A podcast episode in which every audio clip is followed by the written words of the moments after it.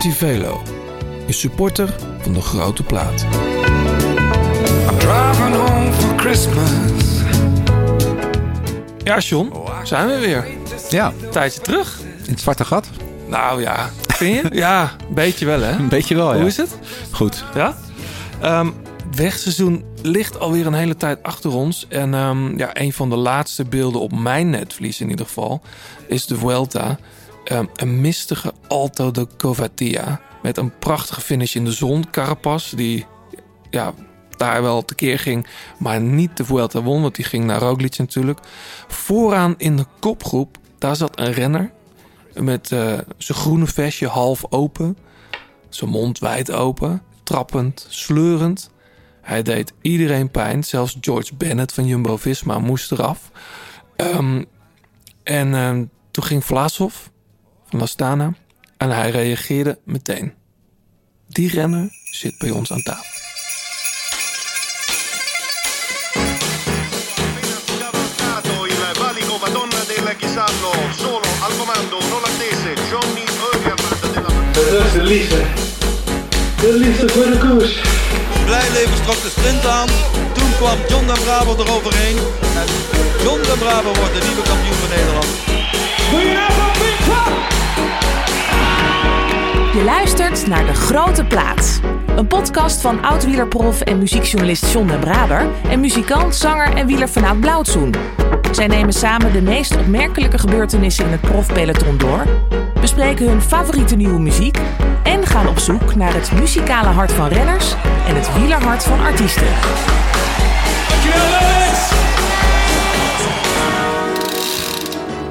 We sluiten dit seizoen af met een serie kerstborrels, kerstbrunches. Vandaag de eerste met een bijzondere gast. Afgelopen jaar maakte hij zijn debuut voor het prestigieuze Bora Hans Grohe team. Hij startte al in de eerste World Tour koers, weet je het nog? De Tour Down Under.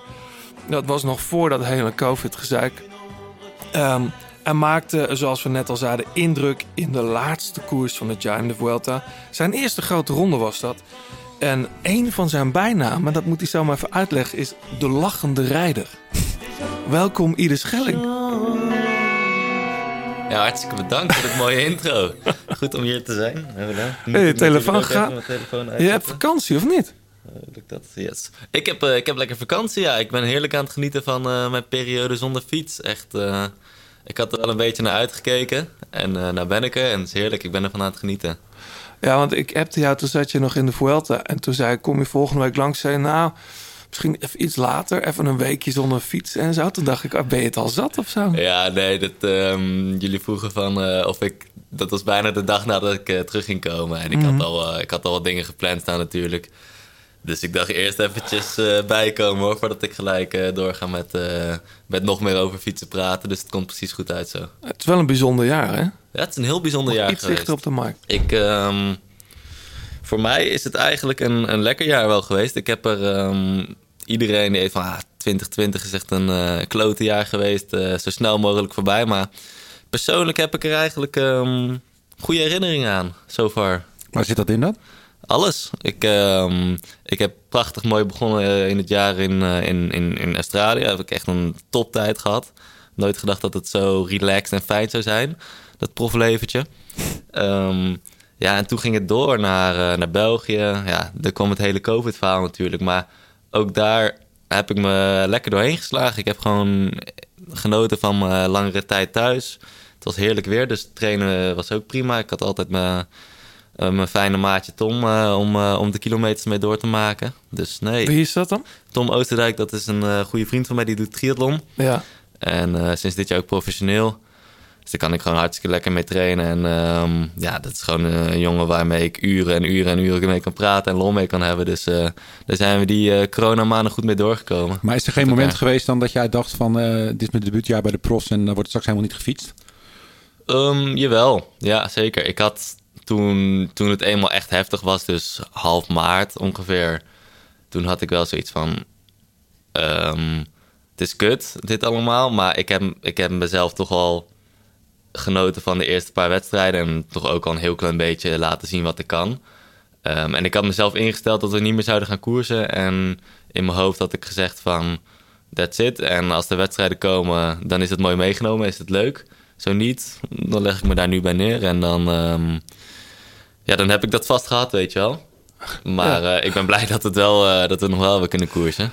Ja. Hey, heb je je kerstboom al staan? Ik heb nog geen kerstboom Nee. staan. Ik heb wel een hele mooie grote plant gekocht eh, van de week. Ja. Maar het is geen kerstboom helaas. Oké. Hey, ehm, we praten zo verder over jouw eerste jaar. En ik bedoel, veel mensen kennen jou nog niet zo heel goed. Je komt ook pas net kijken eigenlijk bij de profs. De echte volgers weten natuurlijk wel wie je bent.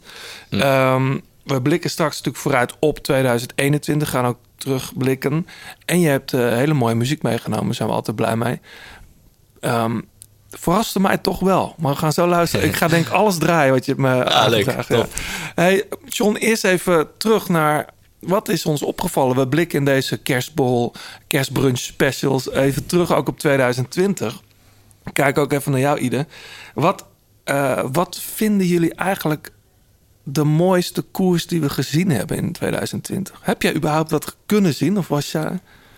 Ik moet zeggen, ik vind het fietsen leuker dan het fietsen kijken op tv. Ja. Ja, ja wat vind ik de mooiste koers? Ik denk, eh, ik heb wel echt genoten van het, van het open rijden in de Vuelta. Eh, het, was, het was niet een extreem gecontroleerde wedstrijd. Dus ik denk dat ook de mensen thuis op tv eh, goed hebben kunnen genieten van, eh, van de Vuelta dit jaar. Ja. Heb jij zelf helemaal geen koers gekeken? Jawel, natuurlijk wel. Maar ehm, ik vind het lastig om dat even zo voor Ja. ogen te halen en dan te zeggen van die of die. Jij, John? Ja, toch Vlaanderen, denk ik. Ja? Finale van Ja, ik vind, Vlaanderen. het, ik vind het lastig, want normaal dan moet je echt zoeken naar een mooie koers. Maar we hebben zoveel fantastische wedstrijden dit jaar gezien. Ja, is niet normaal. Echt eh, van de, van de Strade Bianchi tot Luik Bastenaken Overal gebeurde wat. eh, tour met een knotsgekke eh, afsluiting. Maar ja, weet je, dat in de Ronde van Vlaanderen, die eh, in extremis nog gehouden wordt. Dat daar de twee kroonprinsen, nou ja, koningen van het wielrennen samen naar de meet gaan. En dan zo'n sprint waar alles op en, en, en aan zat. Dat, eh, Ja. En natuurlijk een mooie uitkomst voor de Nederlanders. Dus, eh, Ja. Dat was zeker mooi. Ik heb hem niet live kunnen zien, maar eh, ja, dat was toch echt wel even een toffe wedstrijd eh, om dat eh klassieker jaar mee af te sluiten. Ja, en ook de dramatiek, hè, dat Alaphilippe natuurlijk valt, op die motor Mhm. klapt. Ja. En discussie of het wiens schuld het was. Dat alles, die koers. Ja, maar ik twijfel. Het is echt. We hebben het al vaker gezegd, maar het was natuurlijk een knotsgek jaar. En normaal heb je toch drie, vier momenten in een koersjaar die iedereen, die iedereen nog weet. Het is nu zoveel goeds geweest in zo'n korte tijd. We zijn al bijna vergeten die zaterdag voor Parijs, weet je wel. La Planche Belleville. Ik was daar nog.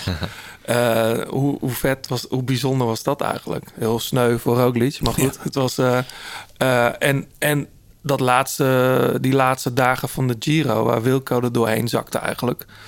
Ehm, het toch al verrassende winnaar. Maar goed, ja, er was zoveel moois. Ik vond.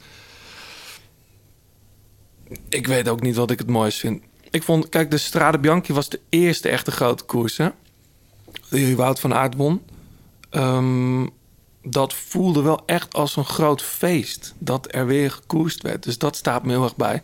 En, eh, maar daar gaan we het zo nog even met jou over hebben, Ide. Of ah, zo even, eh, uitgebreid. dat laatste weekend van de Vuelta was natuurlijk... Dan voel je ehm, dat wat ik, wat ik normaal gesproken altijd een beetje met Lombardije heb, weet je wel. Nog één grote koers en daarna... Ja, Val je in dat zwarte gat. ja, en, en dat had ik nu heel erg met de Vuelta. En dat, eh, de renners hebben ons wel beloond, moet ik zeggen. Hey, maar Ida, als, als jij dus s ochtends getraind hebt, dan zit jij niets minder als met je joggingbroek voor de buis naar een koers te kijken. Ja, natuurlijk af en toe wel. Vind ik lekker. Ehm, vooral als je, als je inderdaad eh, in de ochtend eh, lekker in de regen hebt gefietst... dan ehm, is dat niks lekkerders dan eh, op de bank neerploffen, dekentje erbij... en eh, lekker de koers aanzetten. Dat vind ik heerlijk. Maar ehm, Maar het kan ook Netflix zijn. dat kan ook Netflix Ja. zijn of dat kan ook wat anders zijn. Ehm, Je blijft er niet voor thuis. Ik, ik, ik blijf er niet voor thuis. Nee, het is niet Grappig. dat ik, ehm, dat ik er zoveel om geef om, om, om het te moeten zien. Nee. Ja. Ik vind het hartstikke leuk om te kijken, daar niet van. Maar ik vind dat gek, vind ik dat. iets minder dan wel- de gemiddelde wielrenner. ja. Hey, maar en op muzikaal vlak, jongens, 2020... eh, hebben wij een echt nieuwe dingen ontdekt. Er waren natuurlijk nauwelijks concerten. Ik ben nog in het voorjaar ergens geweest. Maar, eh, welke Amerikaanse act was het ook weer? Dat was echt vlak voordat dat hele corona begon in Tilburg. En dat was ook in Tilburg. Eh, maar er is wel heel veel moois uitgekomen aan muziek. Ja, prachtige releases. Ja. Heb jij één, als je één naam moet noemen? Ja, Bitterzoet van Evie de Visser. Die heb ik ook eh, op één in mijn jaarlijst staan. bij Oor. Oh ja, jij bent natuurlijk een muziekjournalist. Die moeten altijd in de zomer al jaarlijstjes invullen. Ja, dat klopt, ja. Ja, dan mis je dus nu al een, hele, een paar hele mooie platen. Ja, dat ben je maar van die gaan we straks eh, draaien. Die gaan we zo meteen draaien. Eh, en jij? Ja, ik, kijk, wat grappig is, als je dan nadenkt wat, wat een vette nieuwe plaat is. Volgens mij is het meest eerlijke om te kijken wat heb je eigenlijk het meest gedraaid dit jaar. Ehm, en ik denk toch, oeh. Ik, ik zou dat eigenlijk niet zo snel weten. Maar Phoebe Bridgers, misschien die plaat, heb ik wel veel gedraaid. Ehm, tenminste, echt als album. Ik merk wel dat ik minder albums heb gedraaid. Veel losse tracks. Ja. En jij, Ide, heb jij nog eh, muzikale ontdekkingen gedaan dit jaar? Persoonlijk niet. Ik heb een eh, heerlijk lijstje staan op mijn telefoon die ik gewoon gedownload heb eh, met een aantal bands. Ja. En ik moet zeggen, ik, ben ook, ik, luister, ik luister niet extreem vaak muziek. Ik heb thuis gewoon lekker saai, nou, saai de radio aanstaan. Vind ik, vind ik lekker zender? om Sublime. Ja. vind ik lekker om gewoon wat gelul te horen, zo over de dag ook af en toe. Ehm, en op mijn telefoon heb ik gewoon eh, wat, wat muziek gedownload. En dat zet ik dan soms op shuffle als ik, eh, als ik ga fietsen. Niet altijd hoor, zeker niet. Ja. Ehm, dus heel veel nieuwe muziek. eh, nee, ik zou het. eh, Nee, want het viel me ook op wat je hebt meegenomen, gaan we zo draaien. Maar dat is toch relatief eh, allemaal wat ouder, maar wel Klopt. heel vet. Wel Ja. heel vet. Hey John, nog even iets anders. Wat was het deze week of vorige week allemaal op Twitter? Ja. Wat, wat, leg even uit. Eh, er is een, was een hele grote Nou, eh, thread op Twitter over allerlei wielenpodcasts die met Nou, elkaar het in eigenlijk battle gaan. Nou ja, dat het is eigenlijk een beetje begonnen met, eh, met Robert de Lange. Die had een eh, tweet gestuurd aan eh, Martijn Hendricks. Van de NOS. Van de twee, die tweewielers maakt samen Ook, met ja. Herman van der Zand. ja, en, had- eh, de kopgroep maakt die met, eh, ja, met Mart Smeets. maar het ging uiteindelijk over tweewielers. En dat eh, Robert vond dat naast De Grote Plaats zijn favoriete muziekpodcast. Dus ik had daarop gereageerd. Wielenpodcast. Nou, eh, wielenpodcast, Ja. sorry. Dus ik had erop gereageerd van nou, er moet dus een bijkof komen. Eigenlijk als een geintje. Maar Martijn heeft dat nogal serieus eh, opgepakt. En Ja. eh, nu eh, schijnt er dus in maart een, een, een koppeltijdrit te komen. Met de jongens van Live Slow Ride Fast. wij dan, tweewielers. Dus wij moeten. wij moeten tweeën- training, jongen. Echt? Ja. Maar er mogen geen tijdsfietsen gebruikt worden. Niet dat we dat überhaupt zouden doen natuurlijk. Nee, zo, heb ik sneu, helemaal niet. zo sneu zijn we niet. Maar ik zag ook ineens dat allerlei mensen gingen. Ellen van Dijk, Annemiek van Vleuten hebben zich ook aangemeld om een aantal podcasts mee te helpen. ja, dat ze op kop kunnen rijden. Maar iedereen ging ermee in de haal. Maar, ik heb Koen eh, de Kort ja. en Dylan eh, van Baarle eh, gepolst. Ook en die willen minste. ons ook wel helpen. Kijk. Dus mis- misschien kunnen zij een eerste rondje doen. Maar dat is een parcours in de Flevopolder. Ja. Martijn is er, eh, is er mee bezig. Maar gaan we dat doen, in maart. Ja, natuurlijk, dat is fantastisch. Maar wat moet ik daarvoor doen? Jij hebt Olympische Spelen gedaan eh, en dat soort dingen. Nou, gewoon in het wiel blijven zitten. heel strak Oh, dus pakje ik- aantrekken. ik hoef alleen in het wiel te zitten bij jou. Nee, je bedoelt, neem alsjeblieft niet over. Nee, dat komt wel goed. Dat Echt? is leuk, tuurlijk. We gaan er een dingetje van maken. Tijdrijden. Koppeltijdrijden. Ja, kop over kop. Wie hadden we laatst nog toch hier? Die...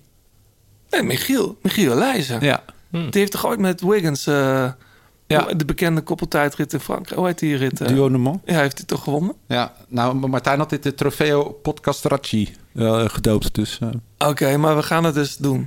we gaan het doen, zeker. Dan, wat moet ik daar... Moet ik nu al beginnen? Nou, ik zou het niet, eh, niet te lang wachten, nee. wat, wat bedoel je? Moeten de kilo's af? Kerstkilo's misschien erbij straks? We gaan het straks nog wel even over de Ulrich Winter hebben. Ja. Ehm, voordat we verder gaan eh, met jou, Ide, eerst nog even wat reacties. Ja, Patrick eh, Heergraven, die had ehm, eh, tip Robert Geesink eh, om een keer langs te komen bij Ja, ons. Maar die willen we ook graag. Ik- maar Robert, Robert- kom nou eens een keer, man. Ik, ik app Robert altijd tijdens de koers en dan appt hij gewoon terug. En zodra ik hem dan vraag, kom eens langs, dan is het stil. Ja. ja. Verder vond hij het fijn om eh Shearwater weer eens te horen. Of dat die naam viel. Ja. Verdient een groot publiek. Zeker. En Arcade Fire, die kent hij natuurlijk. Zal een muziekliefhebber zijn. Omdat je had gevraagd wie eh, Ar- Arcade Ja. Fire kennen. Eh, Bram Franks, eh, die zegt... we hoeven ons geen zorgen te maken over Vlaanderen. Want dat hebben we al veroverd. Dus Huh? Die begrijp ik even niet. nee, we hadden toch vorige keer een Vlaming een shirt ge- gestuurd. Oh, zo meneer. die Ja. bekender in Vlaanderen. Dus, Ja. maar dat zit hartstikke goed. En ehm, door jullie heb ik terug veel meer zin in de fiets. Zowel op de fiets als op de bank. Dus keep it up. Nou, hartstikke leuk. En dan heb ik nog Steven Hendricks. Die, ehm, Top podcast. Eén opmerking. In jullie voorbeschouwing op de Tour van 21 vergeten jullie bij Jumbo en de beslissing of ze groene wegen mee moeten nemen wel iemand met de naam Wout van Aert. Die al bewezen heeft sprints te kunnen winnen zonder hulp van zijn team. Ja, maar ik ga er... daarvan? Nou, ik ging er eigenlijk gewoon vanuit dat Van Aert sowieso meegaat. Alleen dat voor de echte eh, ja, massasprints... dat Dylan dan toch normaal gesproken de, de eerste man is. Maar, Maar denk jij dat ze met Van Aert en Groenewegen zouden gaan dan? Je hebt natuurlijk wel een top lead-out dan. Ja, ja. Ja, ik...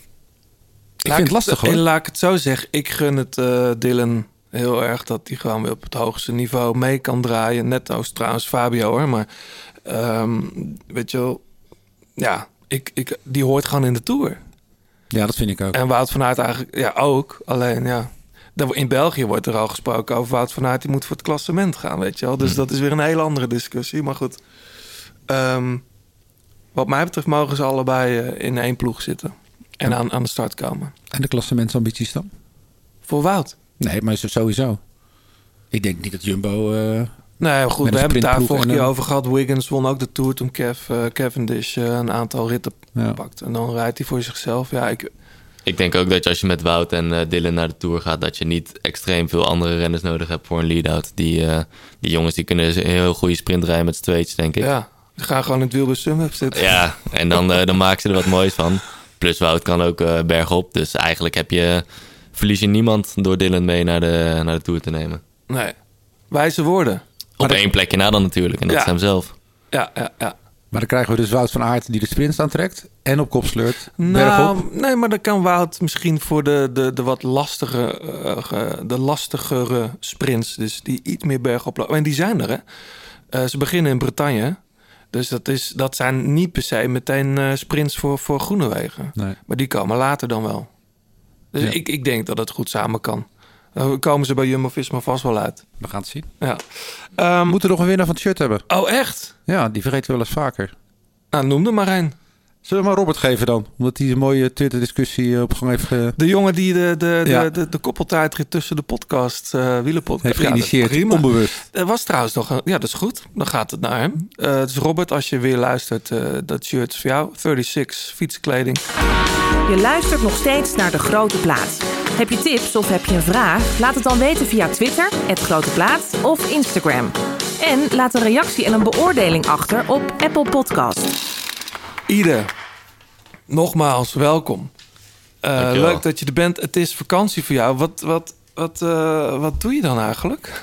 Nou, tot nu toe heb ik... ehm, ik ben nu een weekje thuis, zoiets. En Ja. ik heb me echt nog geen moment verveeld. Ik, eh, ik, ben, ik ben druk bezig geweest. Een stukje drukker dan normaal eigenlijk. Ehm, ik zie veel vrienden. Ehm, ik, ik vermaak me heel erg gewoon. Ik, ik doe veel dingen. Ja, wat, wat dan allemaal? Ehm, Ja, want, want bedoel, de cafés zijn dicht. eh, ja, kan, klopt. klopt. Je kan niks doen eigenlijk. Ik, zou, ik had ook van tevoren gedacht van... eh, dit gaat eigenlijk een saaie rustperiode worden. Maar tegenovergestelde voorlopig...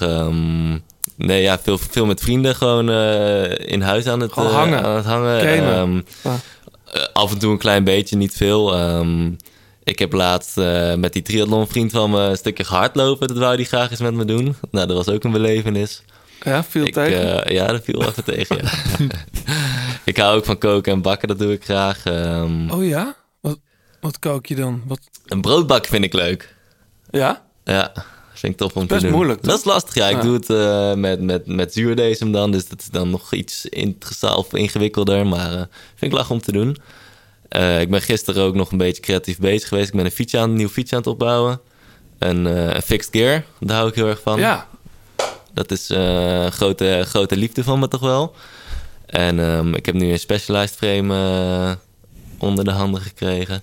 En die ben ik heel leuk, heel leuk aan het Die opbouwen. krijg je dan van, je, van het team of niet? Ehm soort of, ja. Ja, precies. Ja. Ehm, dus daar ben ik mee bezig. En eh, ik heb een nieuw meisje leren kennen. Je bent verliefd. Eh, ik ben een beetje verliefd, ja. Vast, Ah, dat is mooi, man. ja, dus eh, daar gaat natuurlijk ook veel tijd naartoe. Dus nee, ik... ehm, Wanneer heb je eigenlijk voor het laatst gefietst? Ja, ik, ik heb nog twee, twee kleine ritjes gemaakt toen ik thuis was. Want het is natuurlijk raar. Je komt van, van drie weken je lichaam helemaal naar de kloten werken... naar ja, drie, vier weken niet fietsen. Dus dat is toch wel even een flinke overgang. En ik dacht ja, bij mezelf van... is dat handig om dan gewoon niks meer te doen of nog even twee, drie kleine ritjes eh, gezellig te fietsen met, ja, want eh, voor met jou maatjes. was het ook nieuw natuurlijk. Een grote Voor mij, ja, alles is nieuw. En dan normaal ga ik die rustperiode in met de, ja, met de kleinere eendagswedstrijden. Dus dan leef je die week, weken ervoor. Ja, omdat je ook niet meer echt in topvorm bent. Ook niet helemaal meer daarvoor. Dus dan is het allemaal heel anders. En nu ga ik eigenlijk echt ja, met misschien wel mijn beste vorm ooit de rustperiode in. Ja, Dus want is heel neem, ons, want neem ons nog eens heel even terug naar dat, die laatste week van de Vuelta. Je was al een keer eh, top 10 reden in de achtste, achtste rit. Klopt. Op Instagram riep jij nog van, nou ja, als ik, als ik het zo had geweten, ik had eigenlijk, eigenlijk benen om te winnen. Of was het een grap? Nou, winnen is misschien overdreven, maar ik, ik voelde me zo goed in die, die, dat vlakke stuk toen we die kop of toen we die vijf jongens terug wouden halen. Was het die rit die Wellens, de eerste rit die Wellens? Nee, ehm Woods. Woods, won Ja. hem. Van verder werd tweede. Ja. Maar ehm, ja, het klimmen ging echt ongelooflijk goed eh, deze ronde. Ik, ik, ik zie mezelf niet als een klimmer, ik zie mezelf gewoon als een allrounder. Ja, maar dan rij je Ehm. ineens in de kopgroep met Woods, Fraile, Valverde, Ja, Guillaume Martin, Rui Costa, allemaal van dat soort ja gasten. dat, is wel, eh, dat is wel maf. En ehm, ja, op dat klimmetje, of ik fouten maakte, weet ik niet. Maar ik had in ieder geval het gevoel alsof ik zelfs bij die, bij die eerste vijf had kunnen zitten als ik iets anders had gedaan. Maar ja, dat is af, achteraf.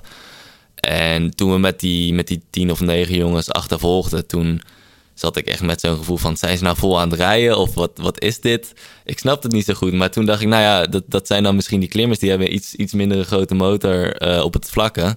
En toen kwamen ze op 10 seconden. Ik dacht, nou, dit kan niet meer misgaan of we pakken die jongens. Ja, toen gebeurde er toch het een en ander in dat groepje en draaide dat minder. En voorop ehm, begonnen ze elkaar echt aan te vallen. En dat, dat was ook zonder pokeren bij hun. Dus die hadden toch ook wel de snelheid erin nog. Ah, toen, was het, toen baalde ik toch wel even dat we er niet bij kwamen. Anders dan had er gewoon, eh, ja, meer Maar heb je heel even aan de winst gedacht? Ja, uiteraard, ja. ja. Want ik, uiteraard. ik, nou, ja, ja als, je, als je gaat sprinten, dan doe je mee voor de winst, toch? Ja. Ja, dan kan er alles gebeuren. En ik, ik heb een prima sprintje, zeker als, als, het, ehm, als het uit een groepje van klimmers is. Dus alles, als alles perfect was gelopen, ja, dan had ik mee kunnen doen. Maar Ja. Als dat nou alles was geweest wat we van jou in de Vuelta hadden gezien, was het al een hele mooie Vuelta. Want ja, ik bedoel, je rijdt je eerste grote ronde, dan zit je mee in zo'n groep. Dat, dat is al heel moeilijk om in die groep mee te zitten. Dat kost gewoon, daar moet je wel en een neus voor hebben, een beetje geluk, maar ook heel sterk voor zijn. Ehm, en toen kwam dat laatste weekend. We hadden, het, eh, we hadden het er net al heel even over voordat jij binnenkwam. Maar die, die rit naar Covatia, dat was sowieso een prachtige rit om te kijken. Ik, ik raad het je aan trouwens. om- Heb je die teruggekeken? ik Dat- moet, ik moet je even vragen welke rit het is. Want met dat die is die zaterdag. De laatste zaterdag Ah, voor de laatste zaterdag, ja. Toen jij aan, ja, toen, toen jij aan die voorin eh, helemaal tekeer ging. Je groene jasje open ja, ja. aan de een, eh, voor in de kopgroep. ja, ik Eh, weet niet ging waar je ik, nog achter Vlasov aan. ik weet niet waar ik al die energie vandaan haalde. Ehm, Want de je dag- reed in dienst, hè? Ja, ja, voor de helderheid, klopt. voor Grooschartner. Voor Grooschardt, ja. Die, ehm, die moest zijn zevende, of we wouden zijn zevende plek ehm, behouden. En het was heel gek. Die, die kopgroep die was op anderhalf minuut. En ja, met, met 10 kilometer waren ze opeens weer op 3,5 minuut. Dat ging heel snel opeens. Ehm, en toen kreeg ik in mijn oortje te horen op 10 kilometer voor de streep van... hey, ieder als je nog wat eh, in je hebt zitten, gooi het eruit. Ehm, zodat zodat die, die kopgroep zo min mogelijk eh, voorsprong behoudt. Ja, en toen ben ik gaan rijden en ik heb mezelf verbaasd. Ik, ik, ik kon blijven gaan. En ehm, de jongens in mijn wiel van, van, van Jumbo-Visma, die hadden het lastig zelfs. Nou Dus ja, was- George Bennett moest Ja, lossen. ja, die, Die, zat, eh, die, die riep op een gegeven moment naar mij van... Hey, wat, ga- je gaat veel te hard, man. Eh, je lost je, je, je kop, man. Je lost eh, Felix. Dus ik kijk achterom, ik zie hem nog zitten. Ik zeg, ja, wat lul je, man.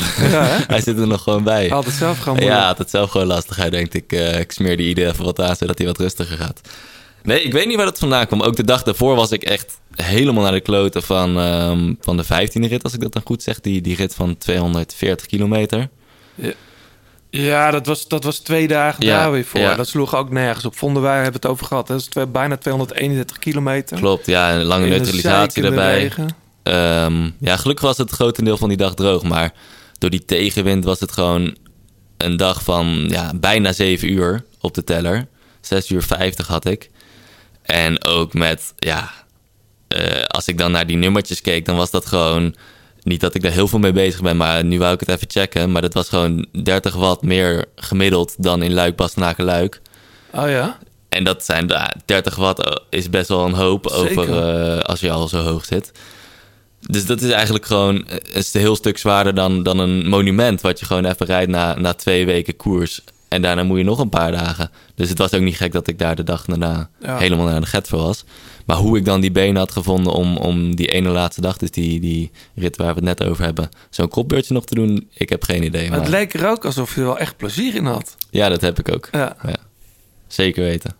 Want hoe, hoe, hoe voelt dat dan? Je ziet de jumbo's in je wiel, Ja, voor mij gek. hi- hijgen naar, happend naar adem. Heel gek, ook omdat het allemaal de eerste keer voor mij is dat ik, ik heb mezelf wel een beetje ontdekt in deze, in deze grote ronde ook.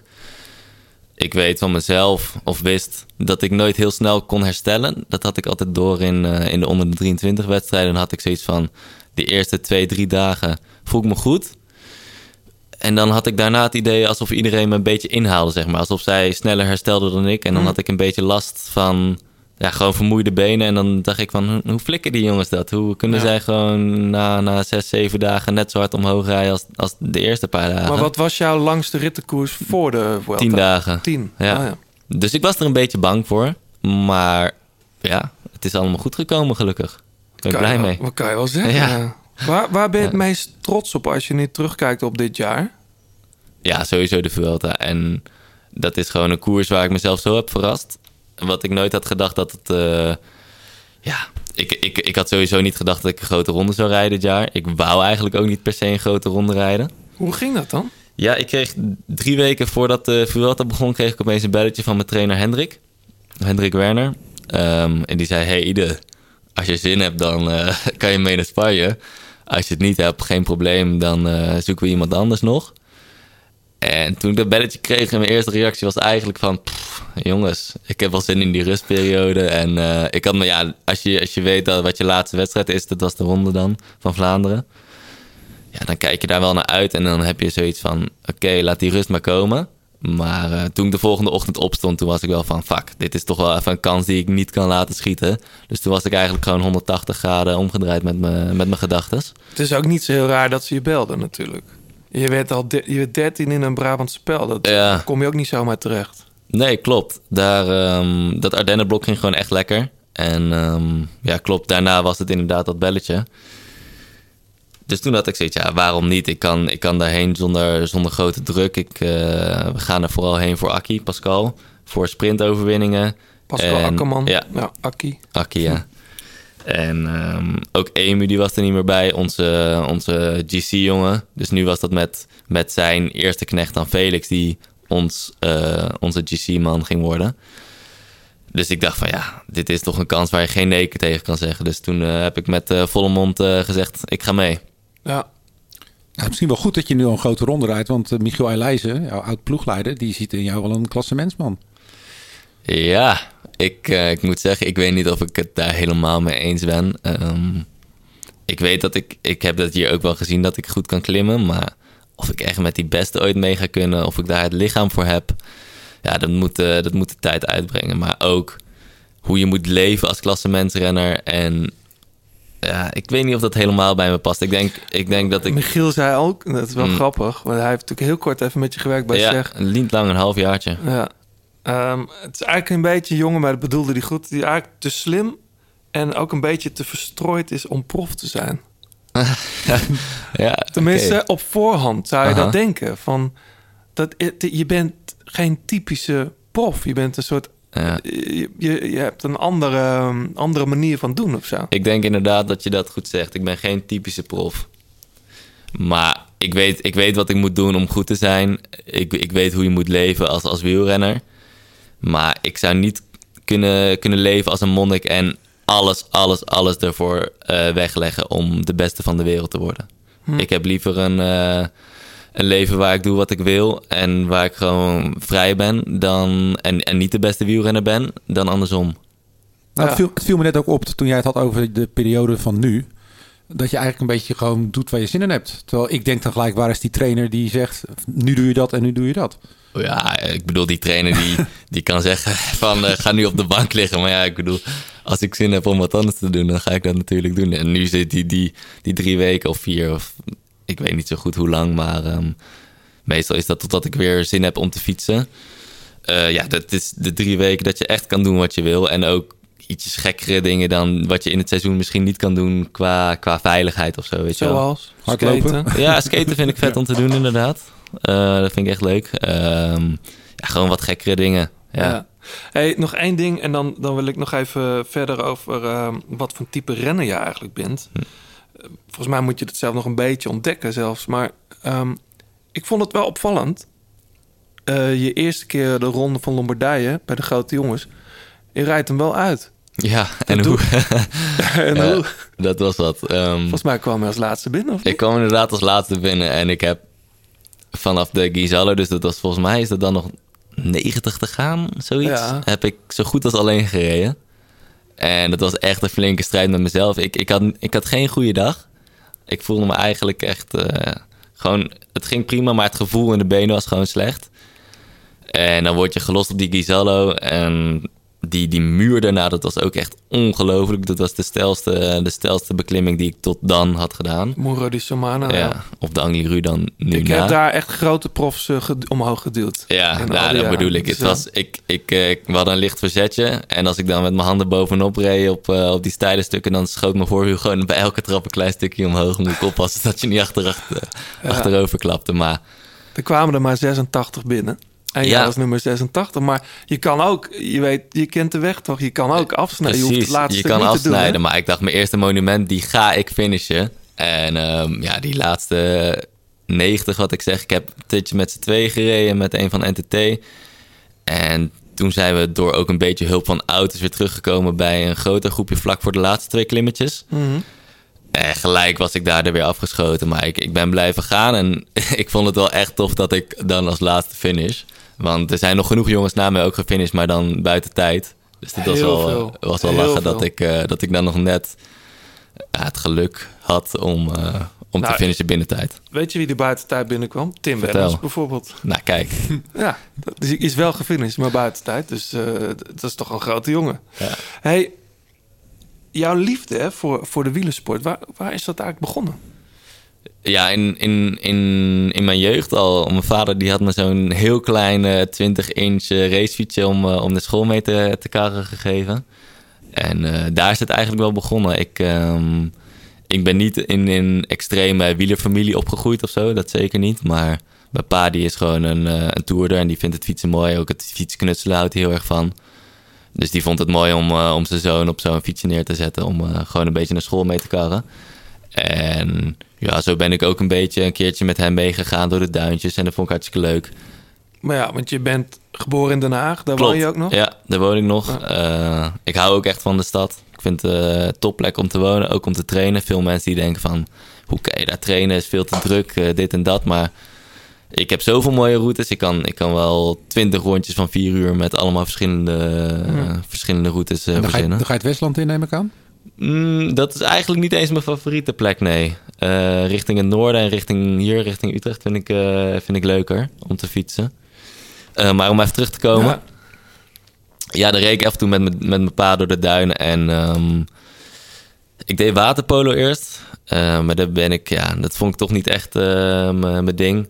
En ik, ik was altijd sportief. Ik, ik hou van sporten. En ik was eigenlijk gewoon op zoek naar, naar wat nieuws. Ehm, ik vond pingpong vet toen, de, toen die tijd. Ik was toen, weet ik veel, 11, 12 of zo. Ah, zijn we naar een pingpongvereniging gegaan. Maar die was dicht, terwijl die zei dat ze open waren. En I don't know, dat was... Anders was je gewoon een Anders was ik professioneel pingponger. geweest nu, ja. Omdat die, omdat die dicht was, toen eh, ben ik nu wielrenner. Dat Nou. denk ik wel, ja. Maar dank aan die pingpongvereniging dan. Ja, klopt. Bij welke club ben je begonnen? ik ben begonnen bij eh, de Spartaan in Rijswijk. Oh ja. Wat echt een eh, goede club was om, om te beginnen. Heel, heel jeugdgericht, ja. Ehm, zo jeugdgericht dat ik daar ook, ja, toen ik nieuweling werd, echt wel uitgroeide. Ook bij categorie 7 al een beetje dat het, ja, die trainingen, dat was gewoon echt bidonnetjes oppikken, alleen maar van die spelletjes, weet je wel, wat leuk was. Eh, toen kwam er een nieuwe trainer, Nico Alberts, die, waar ik nog steeds echt heel goed contact mee heb. Eh, die kwam erbij en die, die pakte wat jongens op van... eh, hey, we gaan eens buiten de club trainen en ehm, gewoon rondjes van 80 kilometer of zo fietsen. Wat, wat bij de Spartaan toen al een beetje als gek werd beschouwd. En iets wat eigenlijk niet kon op de openbare weg, weet je wel. Ehm, en toen zijn we uiteindelijk met een groepje en Nico eh, naar Riestor verhuisd. Waar hij heel goed de weg kende. Bij Riestor zelf dan, zeg maar. Eh, ja, en daar is het, het, het iets serieus. Nou, niet serieus, maar daar is het een beetje begonnen om, om echt de liefde voor het koersen te vinden. Kun je, kun je een moment herinneren dat je dacht van... hier kan ik wel eens heel goed in worden? Ja, dat kwam eigenlijk pas als, eh, als tweede jaar junior. Dat kwam heel laat. En toen, ik had ook nooit door van, dit is iets waar je je baan van kan maken. Eh, maar toen ik zo tweede jaar junior werd en grotere wedstrijden op ook internationaal niveau goed begon te rijden en te winnen. Toen dacht ik wel van, hey, dit is eigenlijk wel heel tof. En ehm, ja, als je hier je baan van kan maken, dan is dat toch gewoon super vet. Eh, toen ben ik bij SEG eh, terecht gekomen en vanaf daar is het wel eh, ja, gewoon hard werken om die, die, die ja, droom te verwerkelijken. Ja, dus het was wel op een gegeven moment een droom om prof te worden. Ja, klopt. Niet, niet die jeugddroom die, die de meeste jongens of uh, wielrenners hebben, denk ik. Ik ben er een beetje ingegroeid. Ik ben er een beetje ingegroeid, ja. Dat kan je, dat kan je wel zeggen. Maar dat, Ja. dat, dat fanatisme wat je dan hebt, hè, dat je zegt... ik wil mijn eerste monument wil ik uitrijden per se. Eh, heb je dat altijd? Of is dat echt in die wielersport alleen? Want ik kan me, ik kan me dat ook wel heel goed voorstellen, hoor. Maar Nee, vaak- dat heb ik wel altijd. Ik heb wel een, een fighter spirit, ja. Zeker. Ik, eh, ik geef niet snel op. Hey, en wat, wat voor type rennen ben je nu? Want je, je bent eigenlijk naar de Vuelta toch ook meegenomen eigenlijk. Gevraagd om die Felix, eh Felix Kroosjartner bij te staan, jullie kopman. Maar je hebt ook eh Akkie eh, Akkerman eh, geholpen, eh, toch? In de, ja, in zeker de weten. Ja. En, dus eigenlijk een manetje van alles of zo. Ja, klopt. En Ik ben- ja. Ik ben wijd inzetbaar, zou ik zeggen. Ehm, ja, zoals ik nu ben, zou ik me gewoon omschrijven als een, als een pure allrounder die, die goed bergop kan. Eh, en daar blijft het wel bij. Ja, ik, ik, hou, ik hou ook van alles. Ik vind die, die voorjaarsklassiekers met, met kasseien en regen en wind vind ik hartstikke mooi om te doen. Maar ik geniet ook hartstikke van, eh, van een mooie klim van 20 kilometer in het zonnetje. Ja, ik vind allebei leuk en het gaat me ook allebei goed af. Eh, maar in zo'n grote ronde, dan is het wel voor een ploeg fijn, denk ik, om, om zo'n jongen als ik mee te nemen. Want ik ben en inzetbaar voor, voor onze GC-man. Maar een lead-out gaat ook hartstikke goed. Maar je bent, ben je prof geworden om breed inzetbaar te zijn? Of heb je zelf ook nog misschien een soort van doel van daar wil ik heen? Of... Nee, tuurlijk, ik wil wedstrijden winnen. Ja, dat Ja. is één ding wat zeker is. Maar ehm, ja, misschien zijn jullie een beetje verwend met, met de jongens van, eh, van 20, 21, 22 die, eh, die gelijk wedstrijden winnen. Maar ik denk dat ik het meer gewoon op de klassieke manier moet doen. En de komende twee, drie jaar eh, mezelf gewoon een grotere motor maken. En ervaring opdoen voordat ik ehm, zelf voor die, ook die kans... Nou ja, wellicht krijg ik eerder kans. Dat gaat de toekomst alleen maar uit, uitzien. Ehm, maar ik heb mezelf gewoon de tijd gegeven om... ehm, ja, om mezelf eh, te ontdekken en groter, groter te worden... voordat ik eh, mezelf opleg om al gelijk wedstrijden te gaan winnen. Hoe ben je eigenlijk bij Boer Hans Groot terechtgekomen?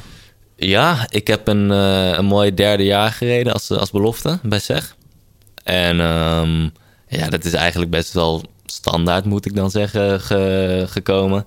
Ik had toen een mooie wedstrijd gewonnen in Giro della Valle d'Osta Ja. in Italië. En ja, vanuit SEG, die hebben dan natuurlijk ook dat management. Dat kennen jullie wellicht. Zeker, ja. Ja. Berghoutjes. Klopt, klopt. Ehm, en ik heb begrepen dat, dat, eh, dat de, de performance coach dan van Bol Hansgrohe, eh Dan Lorang, die had al ietsjes eerder mij op het oog. eh, na, na wat mooie resultaten in, eh, in de andere, ook klim-etappes. Eh, maar na die overwinning eh, kreeg ik inderdaad dan een belletje van het SEG management. En die zeiden van, hey Ide, we hebben interesse. En ehm, ja, de performer Dan die wil eh, wel eens met je praten om te zien wie er achter de naam Ide schuilt. En ja, ik was natuurlijk, ik had het niet per se al zien aankomen. Ik dacht, je hebt meer nodig om, om prof te worden dan, dan één grote overwinning. Ehm, en toen ben ik dus op één dagje even op en neer naar München gevlogen. Wat al wel eh, ja, gek en tof aanvoelde. Een beetje als een rockstar, weet je. Even op en neer word je ingevlogen om, om te praten. Dat was wel grappig. Ehm, maar die klik met, met Dan was er en hij had het gevoel alsof ik goed in de ploeg zou passen. Eh, wat, wat zeker is gebleken. Ehm, Maar je bent de enige Nederlander daar. klopt, ja. Dat Enige Nederlander, maar ehm, Nog wel. Nog Ja. wel, ja. klopt. Maar wel, ah, je zou inderdaad zeggen, ja, weet je wel, Sunweb of Jumbo, dat soort, dat soort ploegen, zou- hebben die niet aangeklopt? Die hebben toch ook gezien? Ja, ja ik, ehm, ik geloof dat, dat Bora Hansco de enige ploeg is die, die echt een aanbod heeft gedaan. Ja. Als ik ieder zo hoor over hoe die graag het leven staat, denk ik dat Sunweb ook niet echt de eerste Nee. keuze zou zijn. Nee, ik. zeker niet. Nee, klopt. Ehm, ik ben heel blij hoe, hoe het er allemaal toe gaat eh, bij Bora. Het is professioneel, maar toch is het ook zo relaxed. Je kan echt wel een beetje doen en laten wat je wil bijna. En als ik verhalen en, en dingen hoor over hoe dat in andere ploegen eraan toe gaat, dan denk ik echt, pff, dat is een wereld van verschil hoe Ja? dat bij ons gaat. Ja. Maar, maar, je, maar je- het is een Duitse ploeg, dus je zou verwachten een soort punkligheid en een soort van... ja. Wat een cliché, joh. Nee, nee. nou, dat is, maar zo cliché is... Ja, maar heel veel clichés zijn gewoon waar, hè? Dat is zo. Maar tuurlijk is dat er en dat moet er ook zijn in de World Tour ploeg. En alles is mega goed geregeld. Maar dan bedoel ik meer ook hoe het omgaan met de jongens en met de staf. En dat hoe, hele... hoe het aanvoelt alleen. ja, hoe het Gewoon, aanvoelt, ja.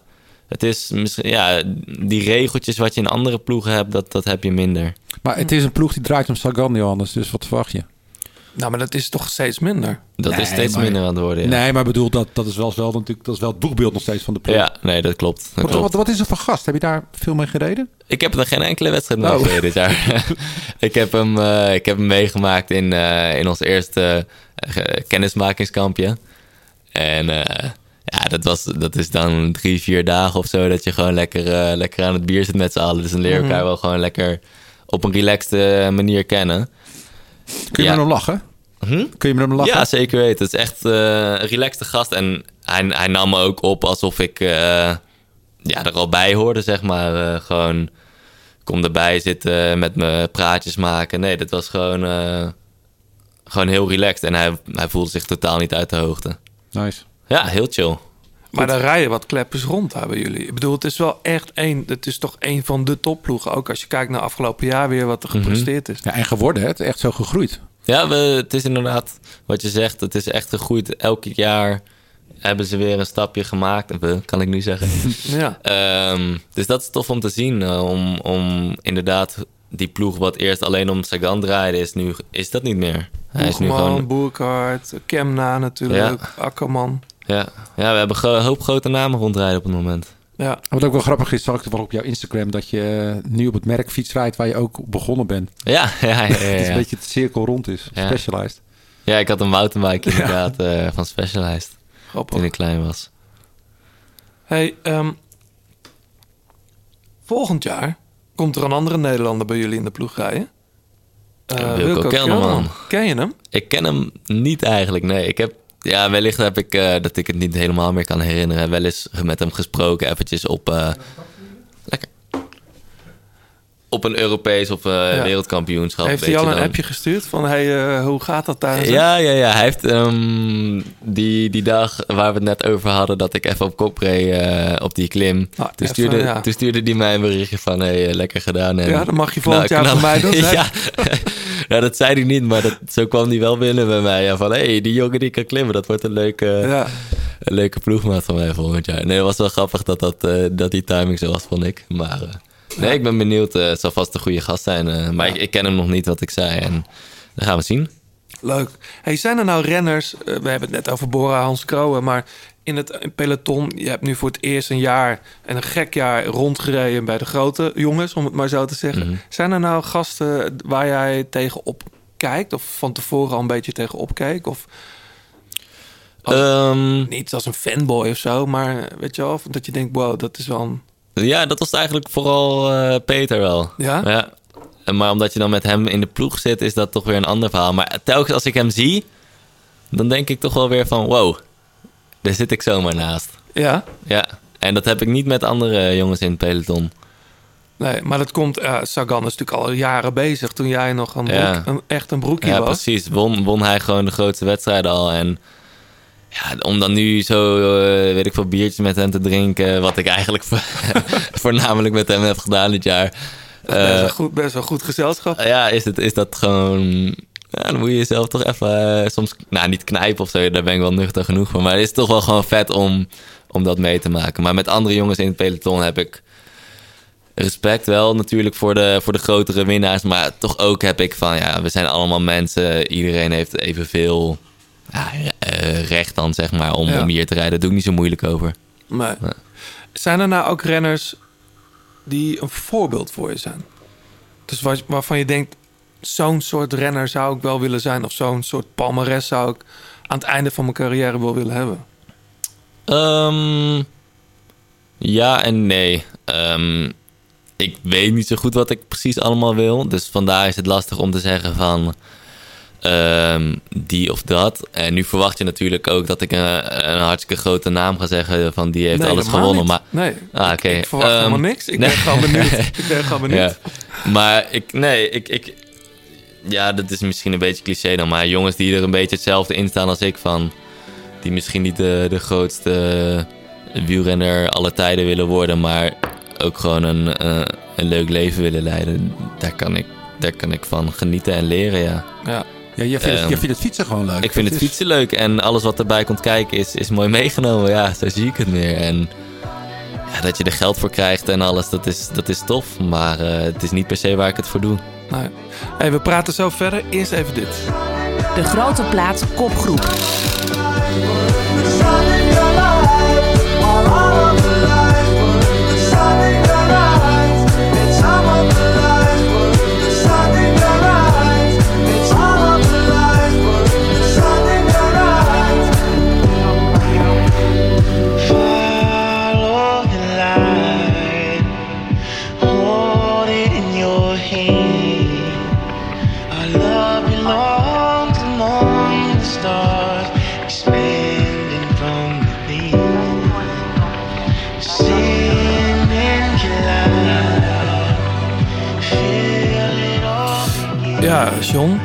Mij van de week al van wow. Dit is... eh, Plaatje hoor. Ja, The Avalanches. Ja, ik, eh, ik kreeg die plaat opgestuurd, want ik had eh, gisteren een interview met, met beide heren. Ja, Met Robbie en Tony. Australiërs toch? Uit Melbourne. Om 9 uur s ochtends, dus dat was daar natuurlijk einde van de middag. Ja. Dus eventjes, even een andere setting. Ehm, de band eh, kwam in 2000 eh, met de plaat eh, Since I Left You. Echt een op samples gebaseerd album, waar wat hele mooie kritieken kreeg. En wat ik ook heel veel gedraaid heb. Toen bleef het eigenlijk 15 jaar stil. Niks. De plaat kwam niet van de grond. Wel persoonlijke issues ook bij de, bij de mannen zelf. Ehm, en nu, drie jaar of vier jaar later, is er alweer een nieuw album. Dat heet We Will Always Love You. En daar hebben ze een blik bekende artiesten bij opengetrokken die featuren. Rivers Cuomo van Weezer, eh, Johnny Marr eh, van de Smiths natuurlijk, eh, MGMT, Jamie XX, Kurt Vile, Nene Cherry, Tricky, Denzel Curry, Blood Orange, Mick Jones van The Clash. En die Vas- Vashti Bunyan zelfs. Ja. Is een oude volkszangeres. Ja, dus, en die hebben allemaal hun eigen eh, bijdrage. ook, ze hebben meegeschreven aan de nummers. Eh, en het begint, wat is het mooie van Avalanche, het begint altijd met samples. Eh, ze hebben een aantal samples en dan gaat- daar bouwen ze een nummer omheen. En het is een hele mooie psychedelische trip. Eh, zelfs de, de interludes, die zijn heel bijzonder en voeg iets toe aan het verhaal. Wat heel Mm. erg over sterfelijkheid gaat en over waar ze nu staan in hun leven. Ze zijn ook in de 40. Maar het klinkt alsof je het album als geheel echt wel moet luisteren. Ja, vind ik wel. Maar het is wel Vind jij goede- sowieso. Ja, ik ben wel een albumman. Maar Ja. ik, ik vond het echt een, echt een, echt een verrassing. Want ik, ik was eigenlijk een beetje vergeten na die, eh, die, die vorige plaat. Ja, ik moet wel zeggen, die vorige plaat heb ik heel veel gedraaid. Maar die werd best wel eh, de grond ingeschreven door, eh, door de typische muziekjournalisten. Ja. Vond ik heel onterecht trouwens. Ik heb Nee. dat die, maar goed, dit is, eh, dit is met Leon Bridges. Ja, Interstellar Love. En eh, de plaat heet We Will Always Love You.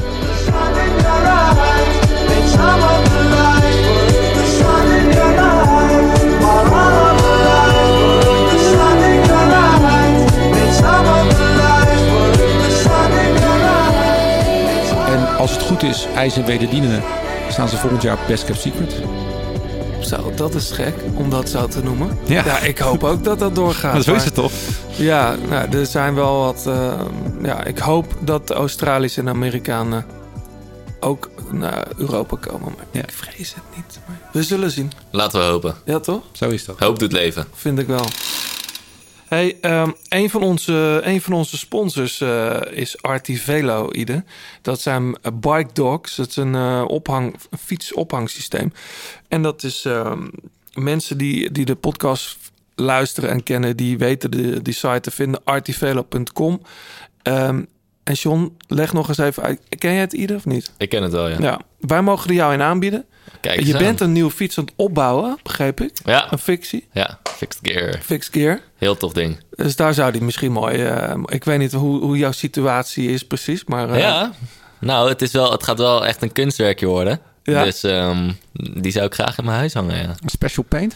Ja, er zit een heel mooi, ehm, een heel mooi eh, laklaagje op. Echt eh, toffe kleurtjes en ziet er heel tof uit. En ik ben nu zelf bezig ook nog met, eh, met wat onderdelen een beetje eh, cool aan het maken. Ik, heb, ehm, ik was op een idee gekomen om hem te vergulden met brons. En dat heb ik gisteren gedaan. Dat was echt heel goed gelukt. Hè? Hoe ja, blad, bladgoud. Alleen dan van brons. Ja, En dan gooi je er een klein beetje li- speciale lijm, laat je half opdrogen. maar over het framen. Nee, over eh stuurzaal en stuurpijn Oh, heb ik het gedaan. Ja. Om eh, een beetje te matchen. En eh, gewoon om, om eh, er wat, nog wat speciales van te maken. Eh, Het is heel goed gelukt. Veel Ja. beter dan ik had gedacht. was leuk om te doen ook. Ehm, ja, jullie zullen het, eh, dat feature zal nog wel op, eh, op de Instagram eh, erop, voorbij komen. Ja. Maar dan kan die misschien aan die bike talk, Artivelo. Eh, moet je maar even kijken welke, je dan, welke dan past bij de fiets. Want dat is het dan eigenlijk. Hè? Ehm, Tof. Dat komt helemaal goed. En voor de mensen die ook even willen kijken wat dat precies is... en welke eh, modellen er allemaal zijn, artivelo.com. De grote plaat Dilemma's. Straks ook muziek van jou, eh Ide. Wat we altijd doen in de grote plaat, zeker als we renners aan tafel hebben, ehm, dat heet de grote plaat dilemma's. We noemen een aantal stellingen of dilemma's. En jij mag reageren met ja of nee, of je noemt gewoon de keuze van je antwoord. Cool. En je mag straks ook terugkomen op een van die antwoorden. En wij ook. Dat is goed. Ja? Duidelijk. John, begin maar. Ik ben liever een klassieker dan een etappe in de Tour. Etappe in de Tour. Bora Hans Grohe is een vriendenploeg. Zeker weten, ja. Skaten of surfen? Oeh, beide. Mathieu van der Poel of Wout van Aert? Lastig, lastig. Eh Mathieu, toch die Nederlandse roots. Ik geloof niet in toeval. Klopt. Het is een schande dat Niels Eekhoff werd gedeclasseerd op het WK. Oh ja, hele erge schande. ja, daar was ik bij en oh, nou, daar kom ik zeker nog wel even op terug. Ja. Amstel Gold Race of Luik Bastenaken Luik? Amsterdam Gold Race. Versnellingen of fictie? Fictie. In 2021 win ik mijn eerste World Tour wedstrijd op de weg. Die vind ik lastig hoor.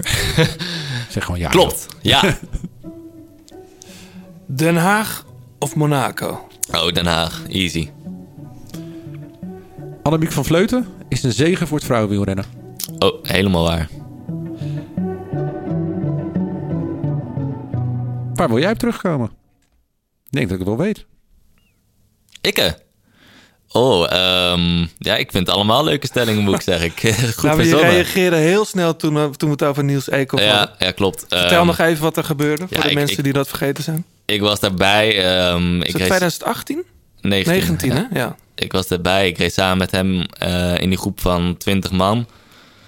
Eh, ja, dan kom je over die finish. Je bent zo fucking blij dat hij heeft gewonnen. Dat was echt WK ongelooflijk. onder 23. Ja, WK onder Want je reed zelf ook een 23. goede koers, toch? Je had, eh, wat, Ik reed een goede koers, ja. Ik zat bij die, Pech in de finale gehad? die, die man, die, die, die groep van 20. Mhm. Eh, met nog ja, 20 kilometer te gaan eh, hield mijn DI2 ermee op. Eh, van fiets moeten ze wisselen en... Batterij leeg of zo. Nee, Ah. nee, nee, nee, dat was het niet. Maar ja, iets eh, in die crash mode of weet ik het wat. Maar hij ging niet meer, eh, hij, hij schakelde gewoon niet meer.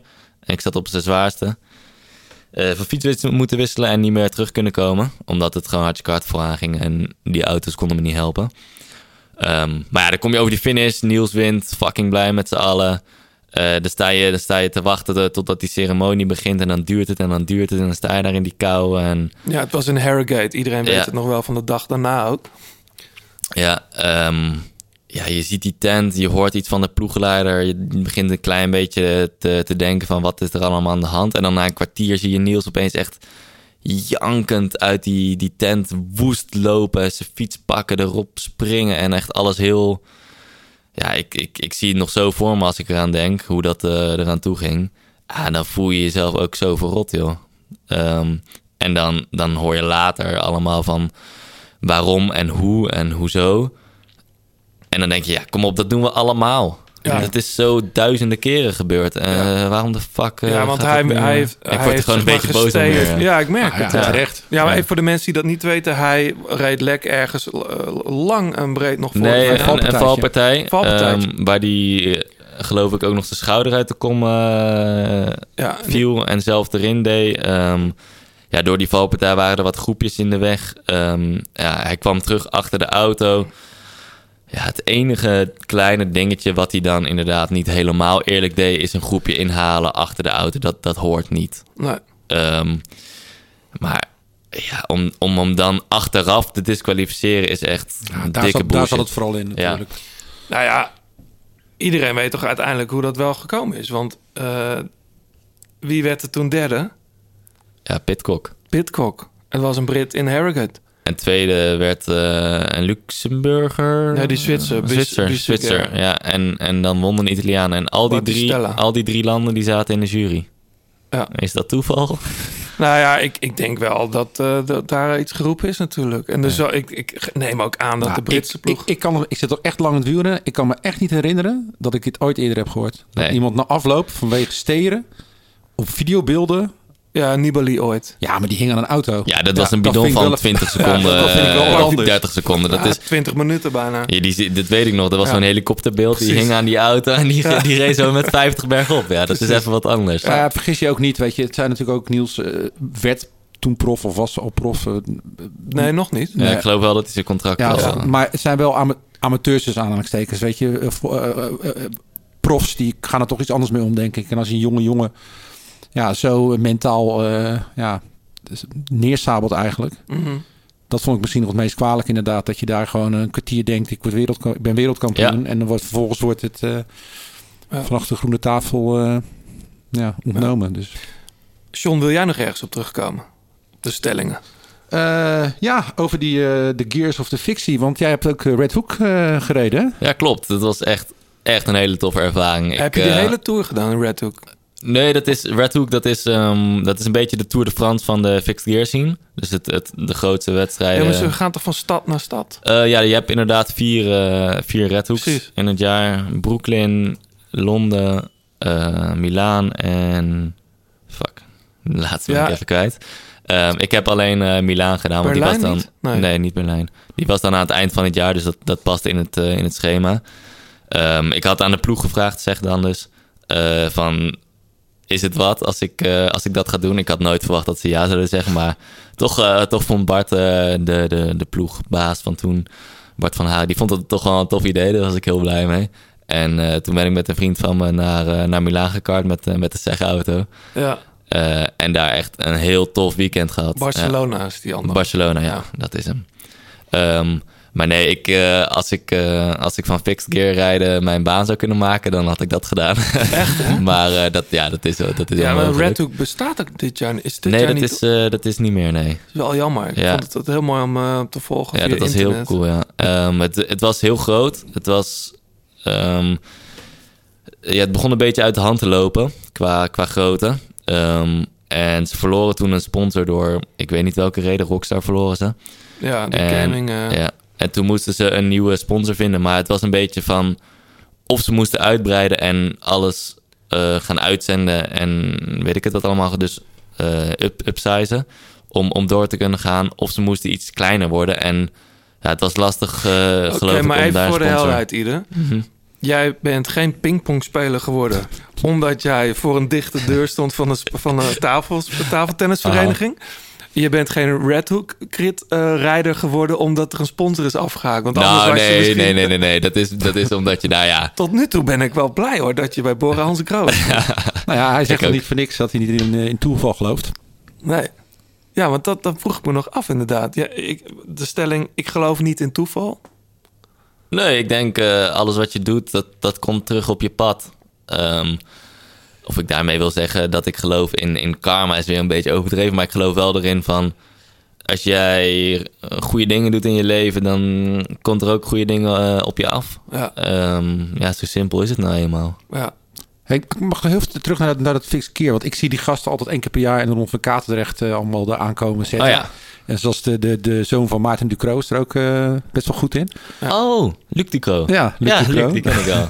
En, ehm, maar wat, wat, wat, wat zijn het voor gasten? Want ik zie altijd met vol tatoeages en baarden. En, Ja, het zijn wel types waar ik me ietsjes meer thuis in voel dan de gemiddelde wielrenner.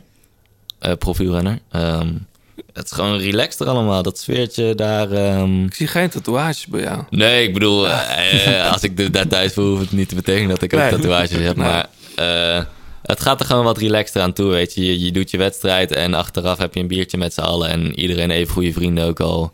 Flik je iemand iets of weet ik het wat. Mm. Ehm, maar hoe, hoe, anders is het, dat, dat, dat ja, fietsen? heel anders. In, in het wielrennen is de... Vooral, dat komt ook door het publiek wat erop afkomt. Daar is gewoon... In Redhoek weet ik nog zo goed... Er stonden ook duizenden mensen. Maar dat waren allemaal mensen tussen de 18 en de 40, laat ik zeggen. Ja. En in het wielrennen is de gemiddelde kijker... En, eh, ja, misschien wat ouder. Tussen de, de begint die interesse een beetje vanaf, vanaf 40, weet je wel. Het is gewoon een ander, ander type kijker wat erop afkomt. En dat maakt het vet, vond ik. Ja, Eh, want toen langs die, langs die finishlijn, dan, dan hoor je zo'n gejuich en zoveel enthousiasme.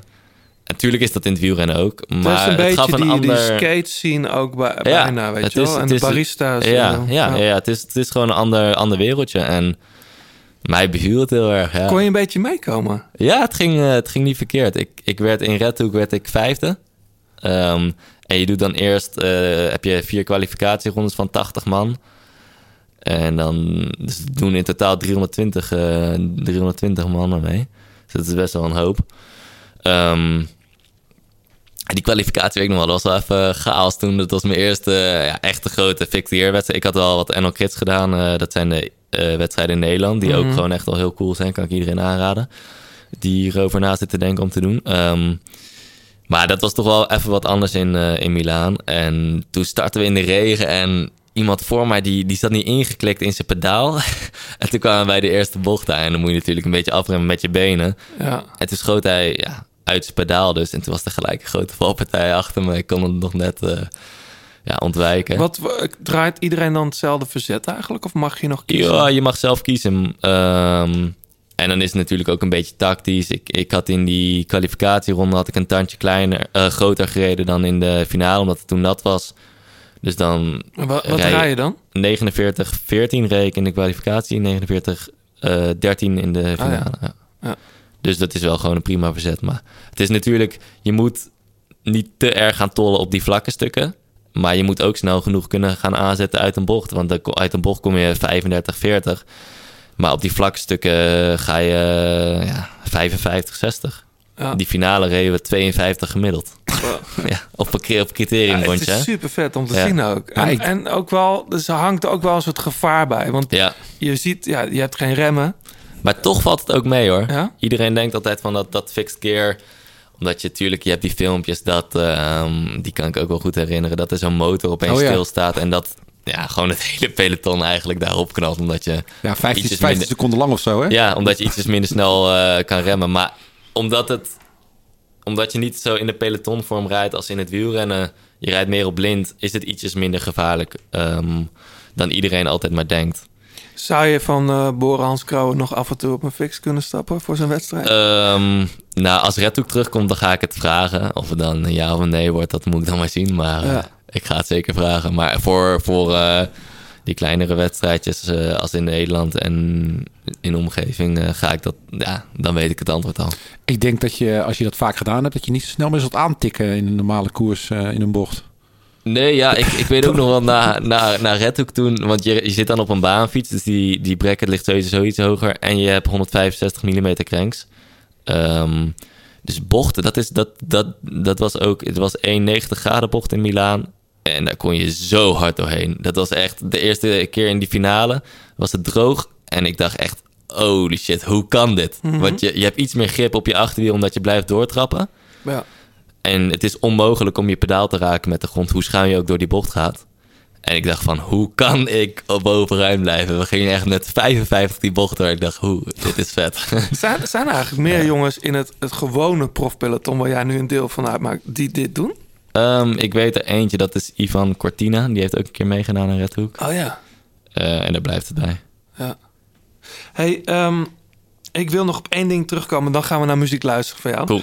Ehm, Den Haag of Monaco? En dan zeg jij Den Haag. Ja, ik ben eh, opgegroeid en getogen in Den Haag. En voornamelijk de laatste paar jaartjes ben ik ook echt wel van, eh, van het stadje gaan houden. Ik, ik weet niet hoe dat komt, maar ik heb steeds meer eh, echt een, een thuisgevoel als ik, eh, als ik in Den Haag ben. En ja, ik hecht ook niet extreem veel waarde aan geld. Dus om, om voor geld eh, mijn stadje en mijn vrienden achter te laten, zou ik nooit doen. Nee. Nee, maar misschien... Kijk, Monaco is natuurlijk... We noemen het bewust omdat er ook veel renners wonen. Ja. Die wonen er ook met een reden. Niet alleen vanwege het belastingklimaat, maar ook Nou. toch... Ja, alleen denk je?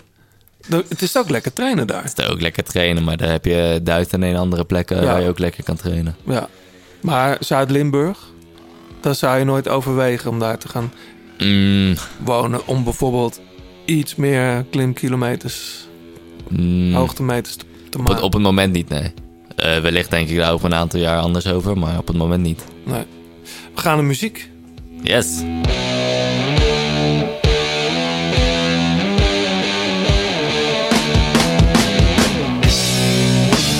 De grote plaat kopgroep.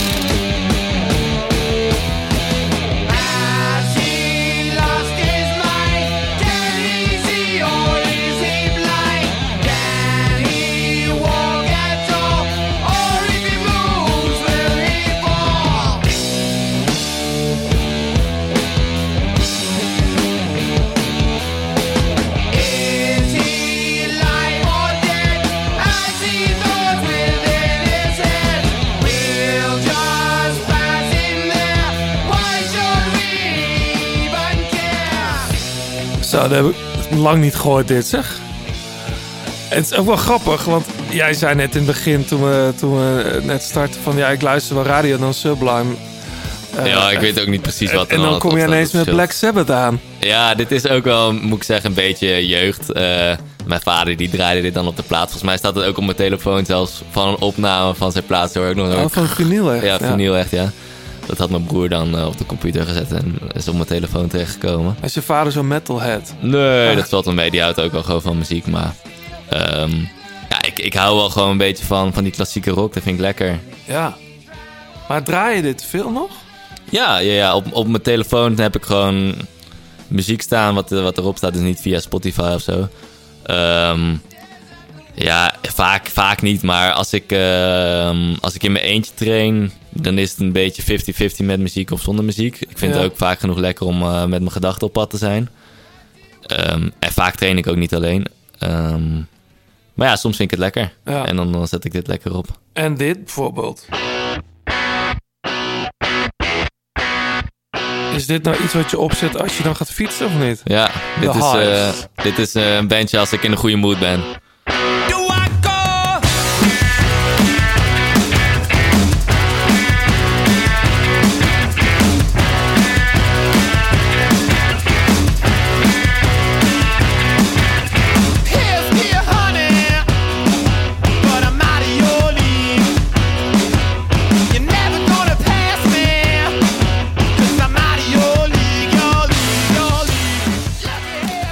Lekker hoor.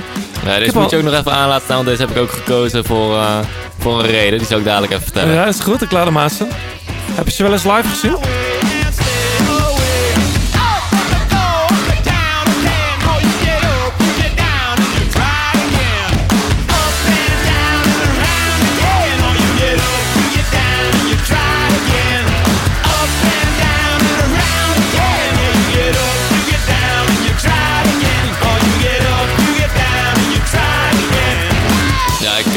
Ze nooit live gezien, nee, maar ik vind het ook wel, deze titel, Try Again.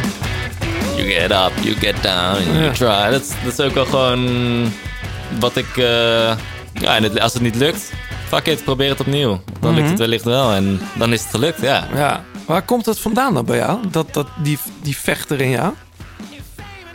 Heb, je, heb jij veel tegenslag gehad? vroeger? Nee, eigenlijk heel weinig. Dat is, daar denk ik ook af en toe over na van waarom zit alles in mijn leven zo mee? En dan denk ik ook van, ik zou op mijn god niet weten waarom het allemaal zo mee zit, maar nee, ik heb nooit echt tegenslag gehad, maar toch, ja, kan ik wel echt, eh, echt hard vechten.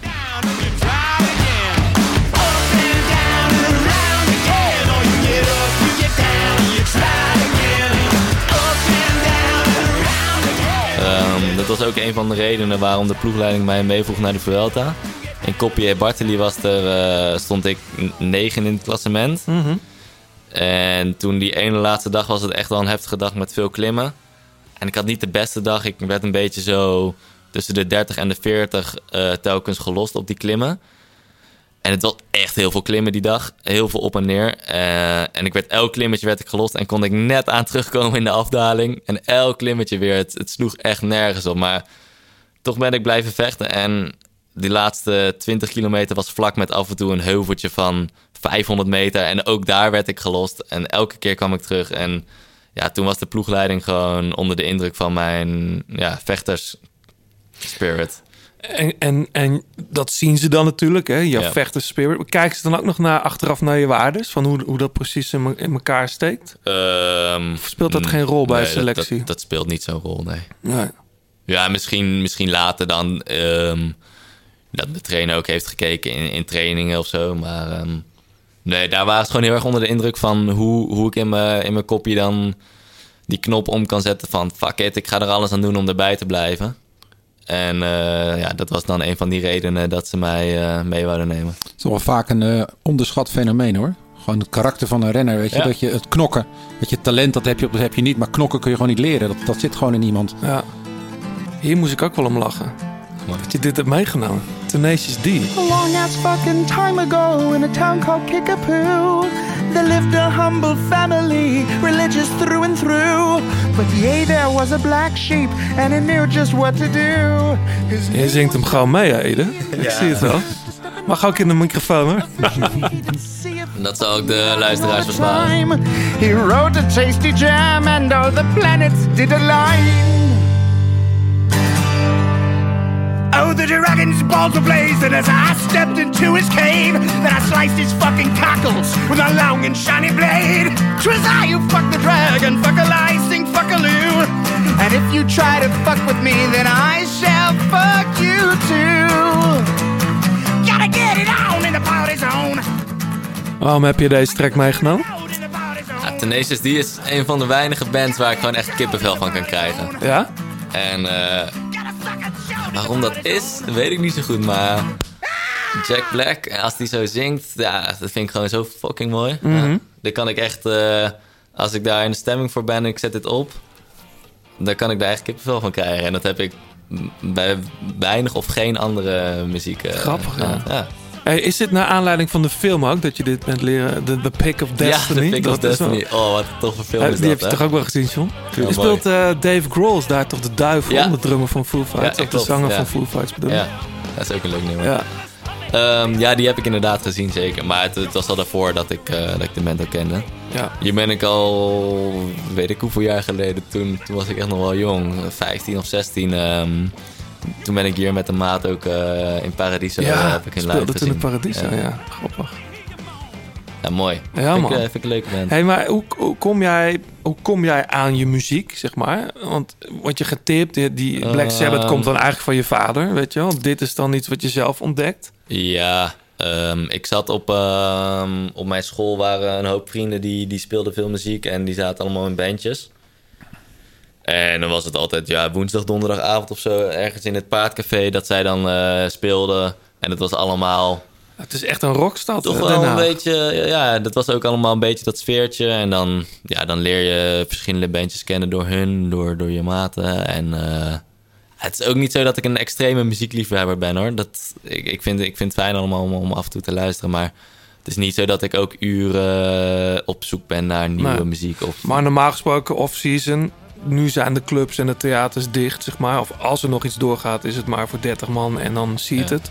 Ga je normaal gesproken ook naar een concert of festival? Eh, niet, niet veel, nee. Nee. Mijn paard kom je nog wel eens. Ja, Ja. vind ik lachen. Ja. Mooie zaal, toch? Zeker. Ja. Ja, hele mooie zaal.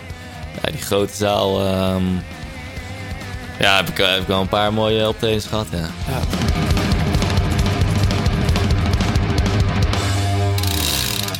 Wat wij eh, willen doen eh, tijdens die, eh, deze kerstbrunches, de kerstspecials. We zijn gewoon benieuwd, hoe ziet nou een dag... Wij spreken zoveel renners en ex-renners, maar John is zelf ook een ex-renner. Fietst ook nog fucking veel trouwens. Alsof hij nog prof is soms, denk ik. ja, mooi. Ehm, hoe ziet nou een, zo, een gewone dag eruit voor jou? Een gewone trainingsdag, dat Een is... je gemiddelde dag. Ja, ja, ja. Ik zal hem vertellen. Ik, ik sta op rond... eh, ja, ik vind het wel lekker om, om rond half negen. Zoiets. Dat vind ik een prima tijdje. Dan kan ik iets van 11, 12 uur naar bed gaan. En dan heb ik gewoon lekker, eh, lekker nachtje. Ehm, dan eh, heb ik lekker mijn kacheltje aan die ik, eh, die ik 's ochtends aandoe. Gewoon relaxed, relaxed opstarten van de dag. Koffietje erbij, lekker ontbijtje maken. Ik hou echt van ontbijten. Staat de radio dan al aan? Dus dan doe ik even een tikje op de radio en dan komt hij lekker aan. Ja. Ja. Ja, ontbijt maken vind ik leuk, wat ik zei. Ehm, Wat eet je dan? eh, ja, heel veel verschillende receptjes heb ik. Ehm, maar op, eh, op een normale trainingsdag, dus dat is dan rond de vier uur, vier, vijf uur, ehm, ja, dan moet je een flink ontbijtje hebben. En dan vind ik het toch wel het makkelijkst en ook echt lekker om, om gewoon een goede, goede bol van havermout te maken. En dan met, met van die grote grove vlokken vind ik lekker. Dus de rolled oats in plaats van de, de Mhm. quick. Nee, ja, ook, ook in havermout heb je, kan je een hoop verschillende Ja, man. dingen, dingen maken. Wat gaat er Ehm, allemaal in dan? Ik vind het eh, mijn, mijn favorietje is toch gewoon met, ehm, met wat koekkruiden en eh, iets van zoet erin. En eh, met een lekker nootje. Of een beetje nog granola eroverheen. Ehm, ja, ook andere dingetjes die ik vaak genoeg maak. Havermout pannenkoekjes of ehm, wat nog. Ja, genoeg dingen die ik, eh, die ik in de ochtend kan maken. En dan, ja, dan spreek ik met vrienden meestal rond een uurtje of tien af. Wat Mhm. gewoon een lekkere tijd is om, eh, om de training mee te beginnen. Ja, dan ga je lekker fietsen. Verzin je een rondje zo als je, als je aankomt. Soms dan, eh, de laatste tijd niet meer dan. Maar dan beginnen we bij Lola Bikes en Koffie in Den Haag. Ja. Pakken we daar nog, nog een koffietje om, eh, om de dag lekker te beginnen. Cappuccinootje dan nog? Cappuccinootje, ja. ja, ja, Dat mag voor 11 uur nog, hè? Precies. Ja, dat maakt me ook niet uit. En is het bij profs dan ook zo dat je een beetje kijkt dat je wind mee terug hebt? Of eh, is dat alleen voor de Ehm, trimmers? Nou, sommige jongens die, eh, waar ik ook mee fiets, die, die hebben dat wel. Maar zelf maakt het echt geen zak uit. Of eh, ja, fietsen is fietsen. En eh, die uurtjes moet je toch maken. Dus nee, dat maakt niet uit. En dan beginnen we ja, soms door de duintjes, soms de andere kant op. Ja, lekker een stukje fietsen. Dan kom je thuis en dan ehm, ja, in de Maar eigenlijk- tijdens het fietsen nog een reepje mee, een banaantje? Ja, ja, ja. Ik, ik hou ook ervan om mijn reepjes zelf te maken. Oh ja? Vind ik lekker. Ehm, dan weet je wat erin gaat. En ehm, zeker hoef ik ook niet te trainen op, eh, op reepjes van, van een sponsor. Want dat eet je genoeg in het seizoen. Ja. En daar word je helemaal gek van op een gegeven moment. Maar hoe maak, je, hoe maak je je eigen reepjes? Ah, daar kan je genoeg vinden op internet. Ja? Ja, ja, ja. Hij maakt ook zijn eigen Ehm, brood. Ja, nee, maar kijk, broodbakken, daar kan me iets bij, broodbak kan me iets bij voorstellen. Maar een eigen reepje maken? Nee, ik heb een heel makkelijk receptje. Dat eh, ben ik 20 minuutjes mee bezig. En dan heb je voor een weekje eh, heb je je reepjes van ehm, ja, ook havermout en raw cacao. Mhm. Heel gezond. Eh, en lekker. En dat verpak ik dan hem in, eh, in een bakpapiertje.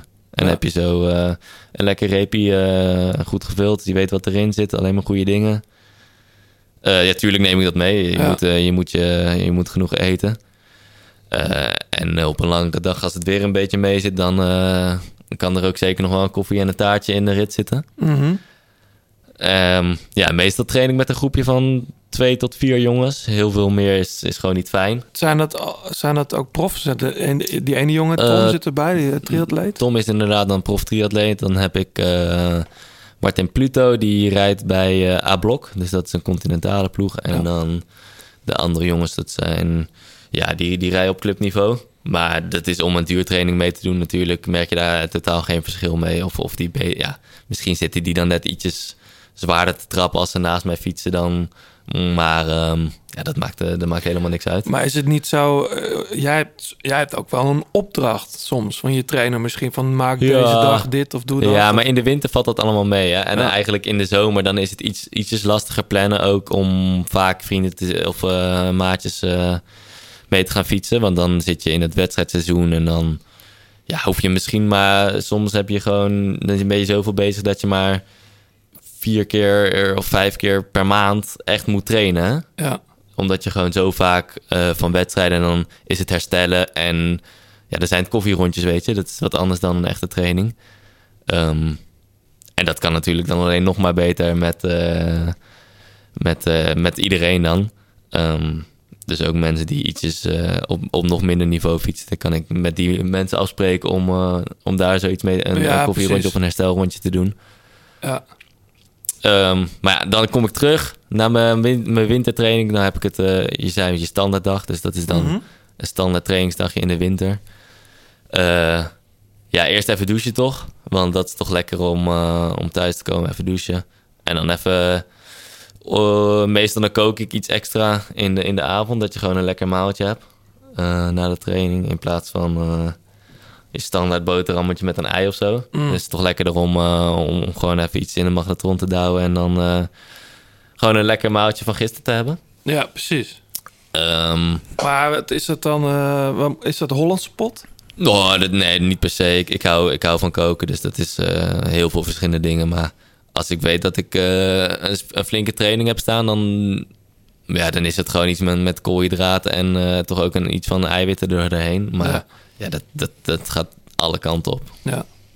Wel grappig, want normaal gesproken dan zou je denken dat profs, eh, ze getraind hebben, gewoon helemaal nergens energie meer voor hebben. Nee, maar daarom zeg ik- lekker staan te koken nog. Nee, nee, nee. Dat, daarom zeg ik juist van de dag ervoor koken, dat je dat in je koelkast hebt staan, dat je het alleen Ah, in de magnetron hoeft te doen. Ah, oké. Nee, de- daar heb ik over nagedacht. ik zit wel denken, want nee, nee, nee, energie. dan, dan heb ik geen zin om nog eh, een uurtje te gaan koken, nee. Ehm, ja, en vaak vind ik het dan lekker eh, als, ik, als ik geen plannen heb, dan eh, plof ik lekker op de bank neer en ehm, ja, dan kijk ik of een serietje of dan eh, spreek ik met vrienden af en dan eh, heb ik eh, in, eh, op de PlayStation een spelletje. Ja. En dan, Welke, welke, welke game speel je? ik hou wel van Call of Duty. Ja, oh, je zit er nog één aan tafel. Kijk, Zo. Warzone in Ja. Verdansk. Ja, mooi. Ja. Hey, Net, en, net en, een nieuwe gekocht. oh ja? Sowieso, nou dan ben je echt enthousiast. Ja, je moet wel, anders kan je online niet mee, hè? Dan heb je gelijk een eh, hele Ja. leme gun als je een week later pas begint. Dat is ook wel zo. ja. Eh, Online. hey, en, en Netflix? Wat, of, of Netflix je niet? Wat, wat, of kijk je ergens anders? Eh, nee, ik heb, ik heb inderdaad wel Netflix. Ehm, ja, wat ik dan kijk.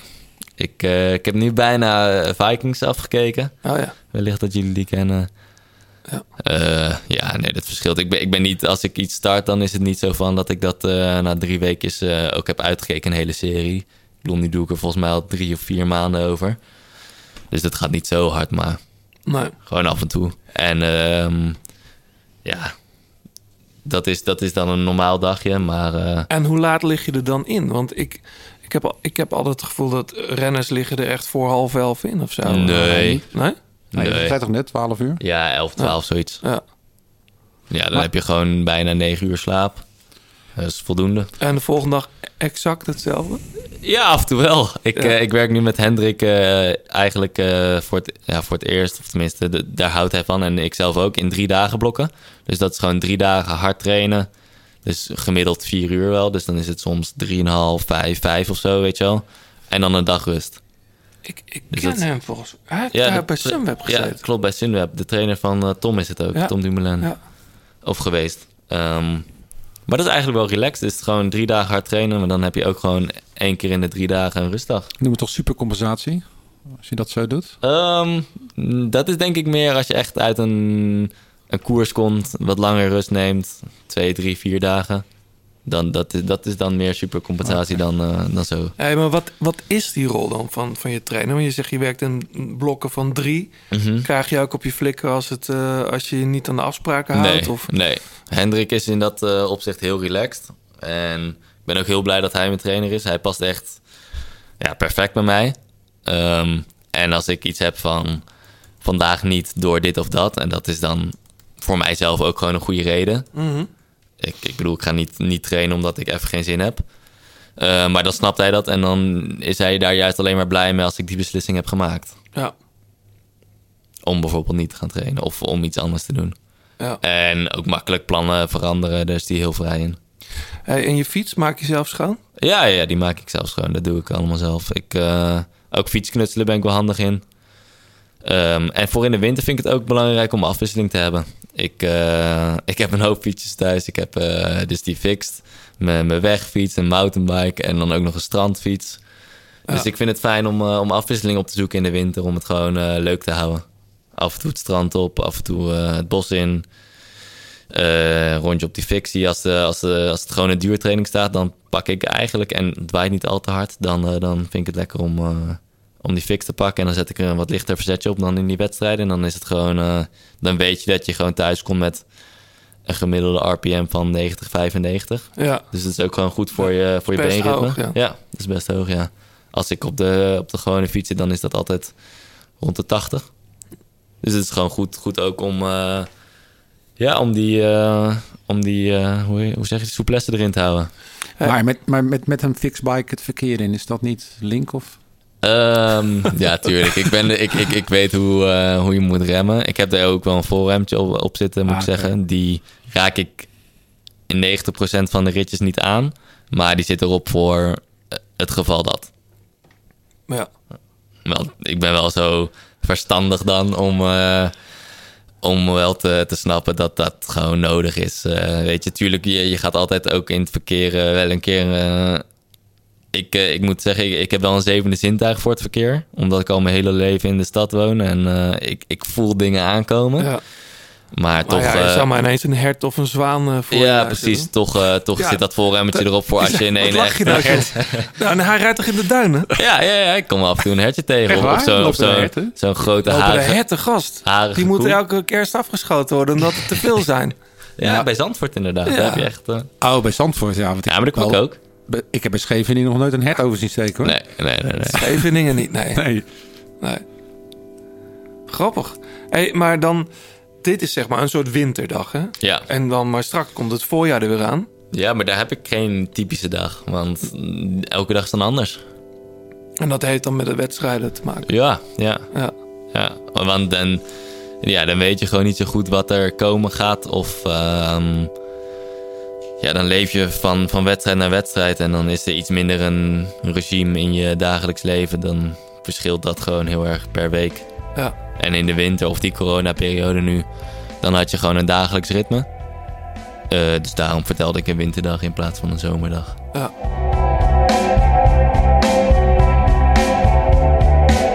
De grote plaats kopgroep. Toen ik je zag,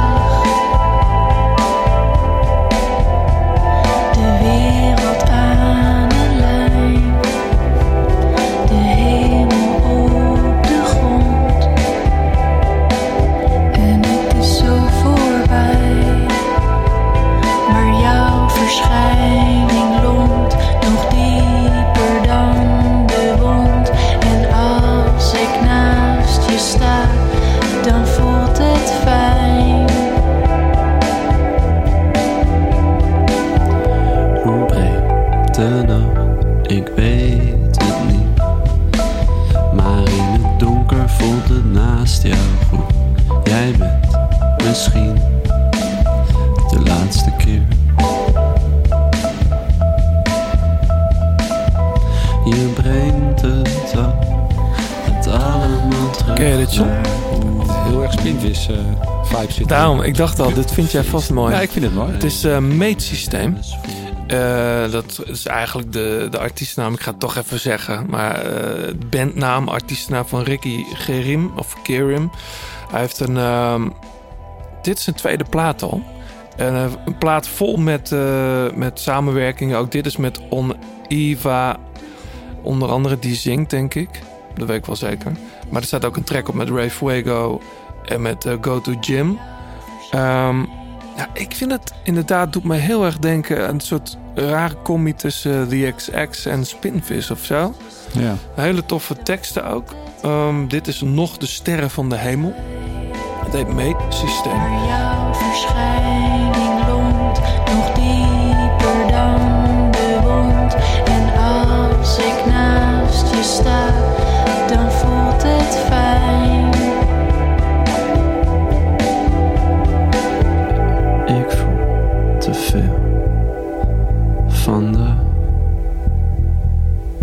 En als je dat nog eens. Ja, ik vind het heel, het heel dromerig, lekkere, lekkere vibe of zo. Ehm plaat is net uit. Ga dat checken. Toen ik je zag, ik wist ervan. Slechts een droom, maar ook de hemel is Je luistert nog steeds naar De Grote Plaat. Alle liedjes in deze en vorige afleveringen luister je in zijn geheel terug in de playlist De Grote Plaat Songs op Spotify.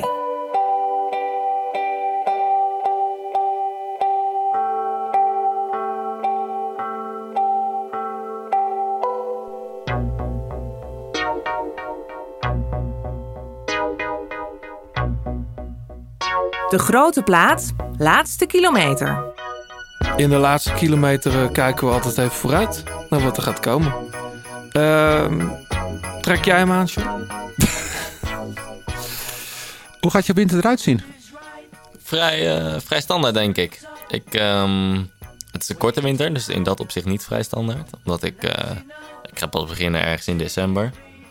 Ik heb altijd zoiets van in mijn rustperiode... ik ga fietsen als ik weer zin krijg om te fietsen. En eigenlijk is dat altijd in de... Ik heb altijd een beetje hetzelfde. Die eerste week heb ik juist wel zin om te fietsen. Omdat je dan gewoon zo gewend bent.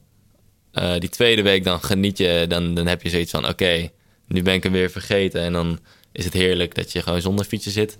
En dan ergens die derde week, als het zo'n dag is als vandaag, met een prachtig mooi eh, zonnetje, koud, maar wel gewoon mooi weer. Dan begint dat zo'n beetje te kriebelen van: oeh, ik zou wel een ritje willen maken vandaag. Wacht ik nog even een paar dagen, tot ik echt zin heb weer om, eh, om die fiets op te springen. En dan, eh, dan begin ik weer met trainen. Ehm, Jij teast jezelf een beetje. ja, precies. Maar dat is belangrijk. Dat is precies wat je, waar die rustperiode voor is. Ja. Weet je, het is, het is voornamelijk, ja, ook fysiek om uit te rusten, maar ook voornamelijk om, om ja, die rust in je, in je koppie weer terug te vinden. Dus daarom vind ik dat lekker om zo te doen. En niet te zeggen van 2,5 weken of vier weken of er een datum aan vast te prikken. Maar de rust in je kopje zegt net. eh, ben jij gevoelig voor de stress van de koers? Nee, nee, totaal niet. Maar toch is het lekker om even niet aan die fiets te denken, weet je. je het, het, is, het is wel gewoon een, groot, ja, een heel groot deel van je leven. eh, Het hele jaar lang. En dan is het maar drie weken per jaar dat je, dat je er gewoon compleet niet aan hoeft te denken. En een beetje eh, minder, minder hoeft op te letten op wat je doet of eet of drinkt. Ehm, dus dat is lekker altijd. Maar ik hou ook wel gewoon van gezond leven. Dus dan vind ik niet erg om weer terug te beginnen. Maakt het feit dat eh Down Under niet doorgaat iets uit voor jouw Ja. seizoen? Ja, ehm, ons trainingskamp die zou eigenlijk ehm, vanaf 7 december al beginnen. Dus dan zou ik, of tenminste zouden we eerst een paar dagen in Duitsland hebben en daarna zouden we naar Italië gaan. Maar dan zou ik eigenlijk gewoon beginnen na mijn rustperiode.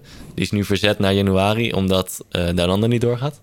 Mm. Dus dat vind ik wel Het relaxed. trainingskamp is verzet. Ja, Ja. ja. sorry. Ja. Ehm, dus ik zal nu gewoon ietsjes langer... Ik denk, ja, ik heb nog niks gepland... omdat het ook lastig is met corona natuurlijk. Ehm, maar eh, uiteindelijk ga ik dan december in Nederland zijn. In januari hebben we dan waarschijnlijk iets van... pff, 14 dagen tot 20 dagen trainingskamp. Maar weet je al waar het is? Ja, in Italië, in Lo... eh, dat bekende meer. ik ben even de naam kwijt. Logo di Maggiore? Lago Maggiore. Ja, geloof ik. Ja. Is aan de Zwitserse grens. ja. Ja. Ja, en normaal gingen we naar Mallorca. Ik wou net zeggen, het is niet echt warm Nee, daar. het is niet echt warm daar. Dus eh, die jongens eh, die waren er ook nog niet zo enthousiast over. Maar ik geloof dat de ploeg dat heeft besloten voor ehm, veiligheid uit coronamaatregelen Ja. of zo. Dat ze daar een goed hotel hadden gevonden waar we gewoon als enige ploeg zouden kunnen zitten. En dat daar die eh, gevallen iets meevielen. Mhm. Ehm, maar ja, we moeten maar even kijken hoe dat met het weer is. Ja. Ehm, maar nee, ik ga dus gewoon lekker in Nederland blijven, denk ik. En als het echt heel slecht weer is, dan eh, kan ik altijd ontsnappen naar Girona. Mhm. Daar heb ik eh, een hoop mensen die ik ken. Eh, veel Australiërs die ook de winter blijven nu. Ja. Ehm, dus dan kan ik daar naartoe als ik, als ik echt zoiets heb van... pff, nou moet ik even die zon opzoeken en als het daar echt lekker weer is en hier in Nederland helemaal ruk, dan eh, zou ik dat misschien voor een weekje of twee nog eh, daarheen gaan. Maar Maar puur om nog- gewoon in, in wat beter weer te ja, fietsen. bedoel ja, precies. Puur om weer wat beter weer te fietsen. Ja. Eh, ik heb nog niks gepland, dus ik zie het wel. Ik zag ook dat Liewe Westra tegenwoordig een, eh, een fietshotel heeft in Kalpen. Ja, een tijdje toch al? Ja. ja. Gaan ook veel jongens en meiden heen, zag ik.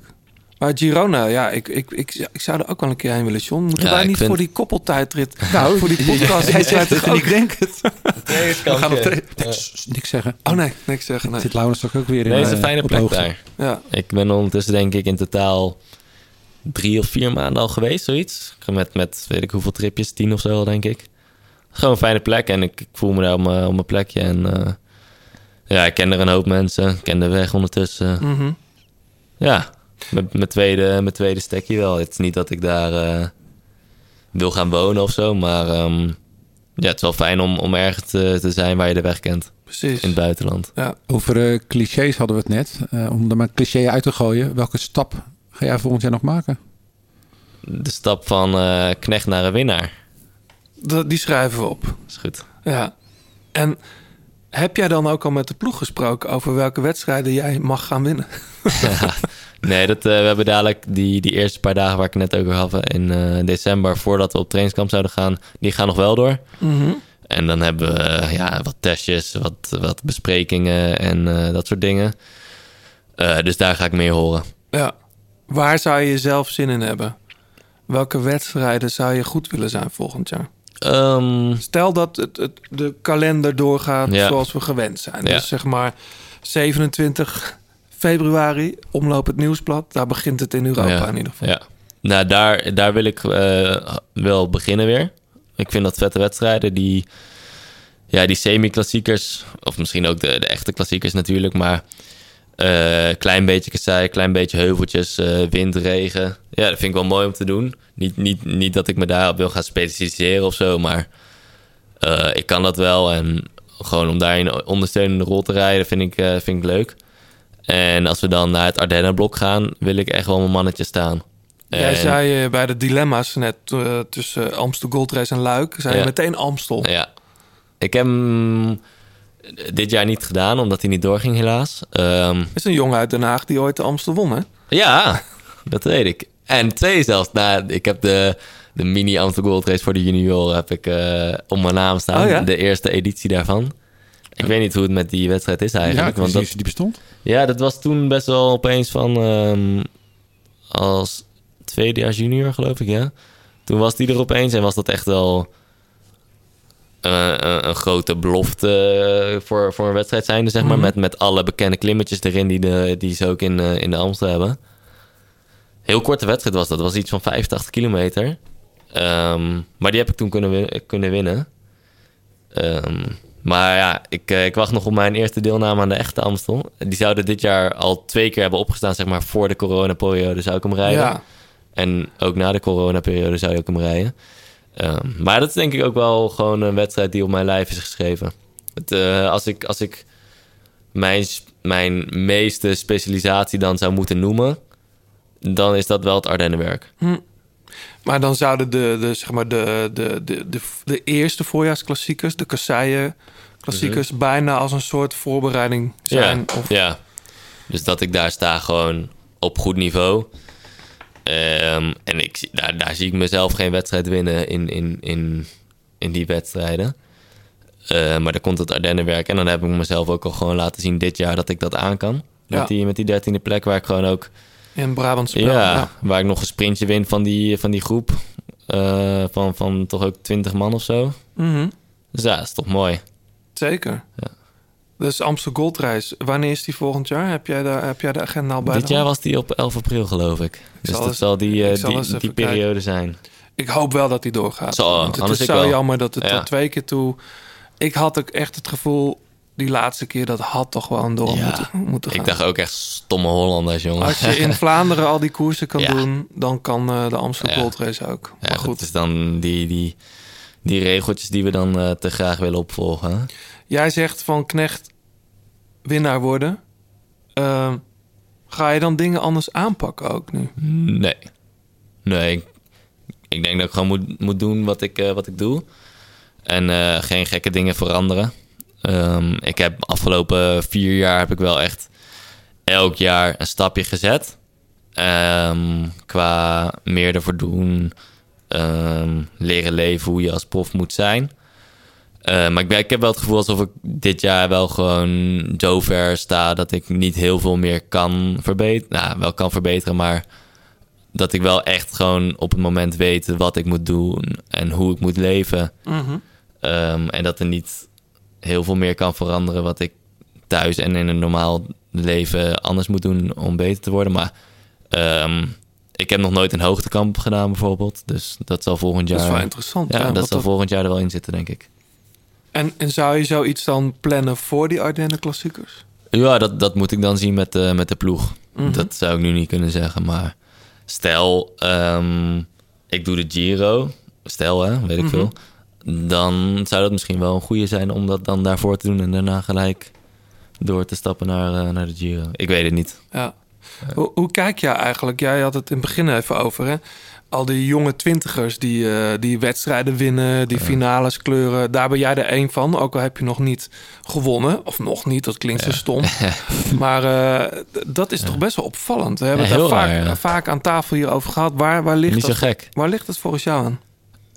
Ehm, ja, ik denk niet dat het, dat het, eh, dat het toeval is. Wat kom, kom ik weer op terug. Mhm. Ehm, ja, dit is in, in dat onder de 23 gebeuren is het allemaal de laatste paar jaren serieuzer en serieuzer aan toegegaan. Ehm, qua, qua ploegen die er meer en meer van afweten en die misschien Stef van World Tour pakken. eh, en zo hun eigen renners al op zo'n niveau krijgen en al zover opgeleid ook krijgen dat ze ja, weinig meer hoeven bij te leren bij de profs. Wat Mhm. eh, jaren hiervoor misschien anders was. En daarom is dat zo'n eh, verschil, ja.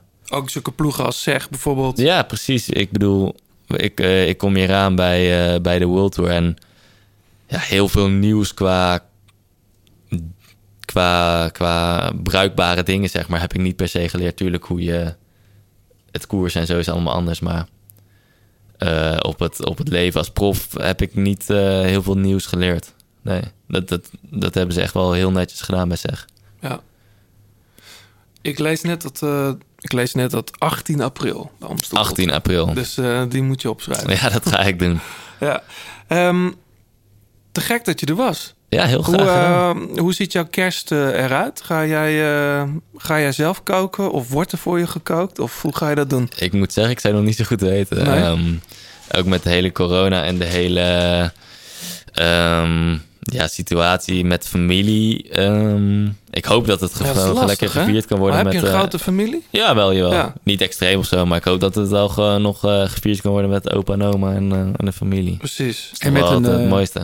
Een lekker kavaatje hebben we voor Ja, je gehaald. lekker Ah, flesje. Die kan ook met oud en nieuw open natuurlijk. Cadeautje. Ja. Of, of vanavond. Of cadeautje. Of vanavond. Ja, want hoe zit dat met alcohol in het eh, off-season? Oh, dat eh, ze wordt rijkelijk gevloeid, ja. Ja, toch?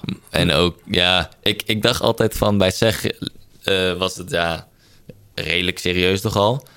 En ik dacht, nu kom ik bij de World Tour, wordt het allemaal nog stappen serieuzer. Maar dat is eigenlijk toch het tegenovergestelde eh, is gebleken. Ja, wordt er Maar- bij Boren Hans een wijntje gedronken aan tafel? Bij- Ja, Ook ja. tijdens de etappekoers? Ja, ik ga je maar niet al te veel over in, maar ehm, ja, Ja, daar dus- hou ik het maar bij. Ja. Hey, jij was wat vergeten, Johannes. Want Nou. in jouw intro had je het over de bijnaam van Ieder. Ah ja. Ja. En, eh, maar hebben- dat, dat, hebben we heeft, nog dat, geen dat hoeft hij helemaal niet uit te leggen, toch? Ik, Nee. zie, ik zie hier een jongen die, die straalt, die doet wat hij het allerliefste doet. Op een fiets Ja. zitten met en zonder versnellingen. Hij is verliefd.